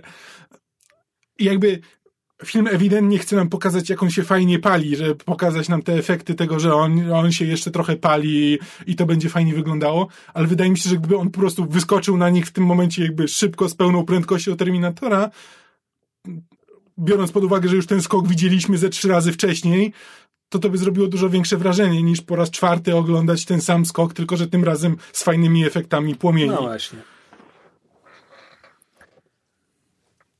Czyśmy się wyprztykali z Terminatora? Twórcy na pewno się wyprztykali z Terminatora. A... Ja jeszcze jedną uwagę ogólnie do cyklu, bo to jest dla mnie strasznie ciekawe. W porównaniu z obcymi, z zawsze się mówi o, te, o tej kontrze obcych, obcego 2 do obcego 1, że Ridley Scott mhm. nakręcił mm horror w kosmosie, że tam jest atmosfera, że tam są ci kosmiczni robole i jeden stwór i tak dalej. A potem przyszedł Cameron i nakręcił akcyjniaka w kosmosie, gdzie jakby znowu trochę się boimy, no ale to jest film o grupce mm -hmm. komandosów i w ogóle. I dla mnie to, to, to się zawsze pojawia jako takie, no bo to jest film Ridleya Scotta, a to jest film Jamesa Camerona. Ale James Cameron zrobił to ładnie to samo mm. sam, pomiędzy pierwszym i drugim Terminatorem, gdzie pierwszy jest tym fantastycznym thrillerem, ocierającym się o horror, gdzie jest to, to niepowstrzymane złota, ta, chciałem powiedzieć, robotyczna maszyna. e, Nieczuła maszyna. Tak. A potem mamy Terminatora 2, który jest który jeszcze ma nastoletniego bohatera, więc jest w ogóle 90s tubular i radical mm -hmm. i w ogóle. No tak. I jeszcze ma te, te dowcipasy i hasta la vista i jest po prostu tak bardzo akcyjniakiem, ocierającym się o komedię. Ja trochę nie rozumiem, jak ten jeden człowiek zawiera w sobie to jedno i to drugie. Mm.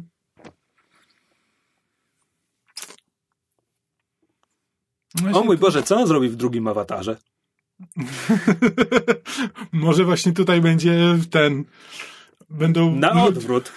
Tak, będą, będą ludzie, którzy próbują skolonizować tam kolejną, nie wiem, część tej planety, czy jakkolwiek teraz ten świat awatara ma nie wyglądać i będzie jeden nawi, który ich powoli, powoli wybija.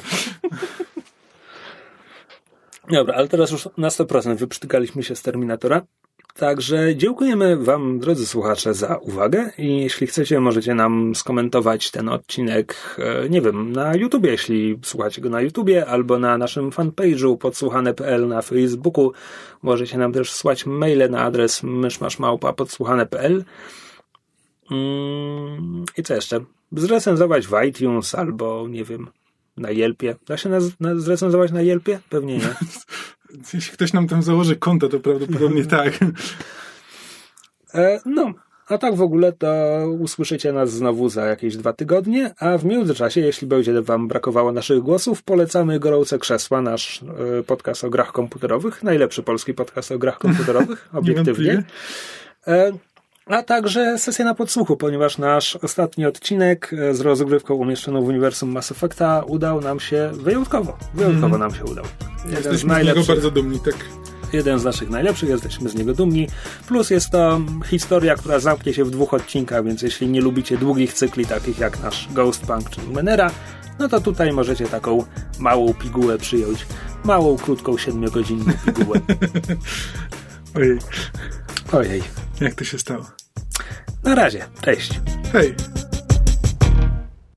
Avatar też byłby dobrym, ten, do, do, do, dobrym polem do filmu ala Predator. Może w tę stronę mógłby pójść. Słuchaj, myślę, że Cronenberg też miałby dużo do popisu. Przecież tam, wiesz, te wszystkie organizmy się łączą ze sobą, te świadomości. Da się z tym coś zrobić. Zmierzam do tego, że wielu twórców zrobiłoby dużo ciekawszy film w tym świecie niż James Cameron zrobił. W ogóle teraz jestem ciekaw, czy James Cameron jeszcze jest w stanie robić film. Mam wrażenie, że on ma trochę tak problemy jak, jak, Spielberg. W zasadzie, że trochę się, trochę się wyprztykał w latach 90. i tam jeszcze ma parę pomysłów i bardzo by chciał tam rzeczy robić, ale trochę już nie wiem. Wiesz, no, że James Cameron chyba nigdy nie ukrywał, że on teraz kręci film tylko jeśli kiedy chce sobie kupić nowy batyskaw. Tak, jakby tak. podziwiam i szanuję. Nie, jasne, pewnie. Wolę wolę już tak, że jeśli ktoś jest przynajmniej szczery, a nie, nie udaje, że to wszystko jest dla sztuki. No dobra. To będzie scena po napisach.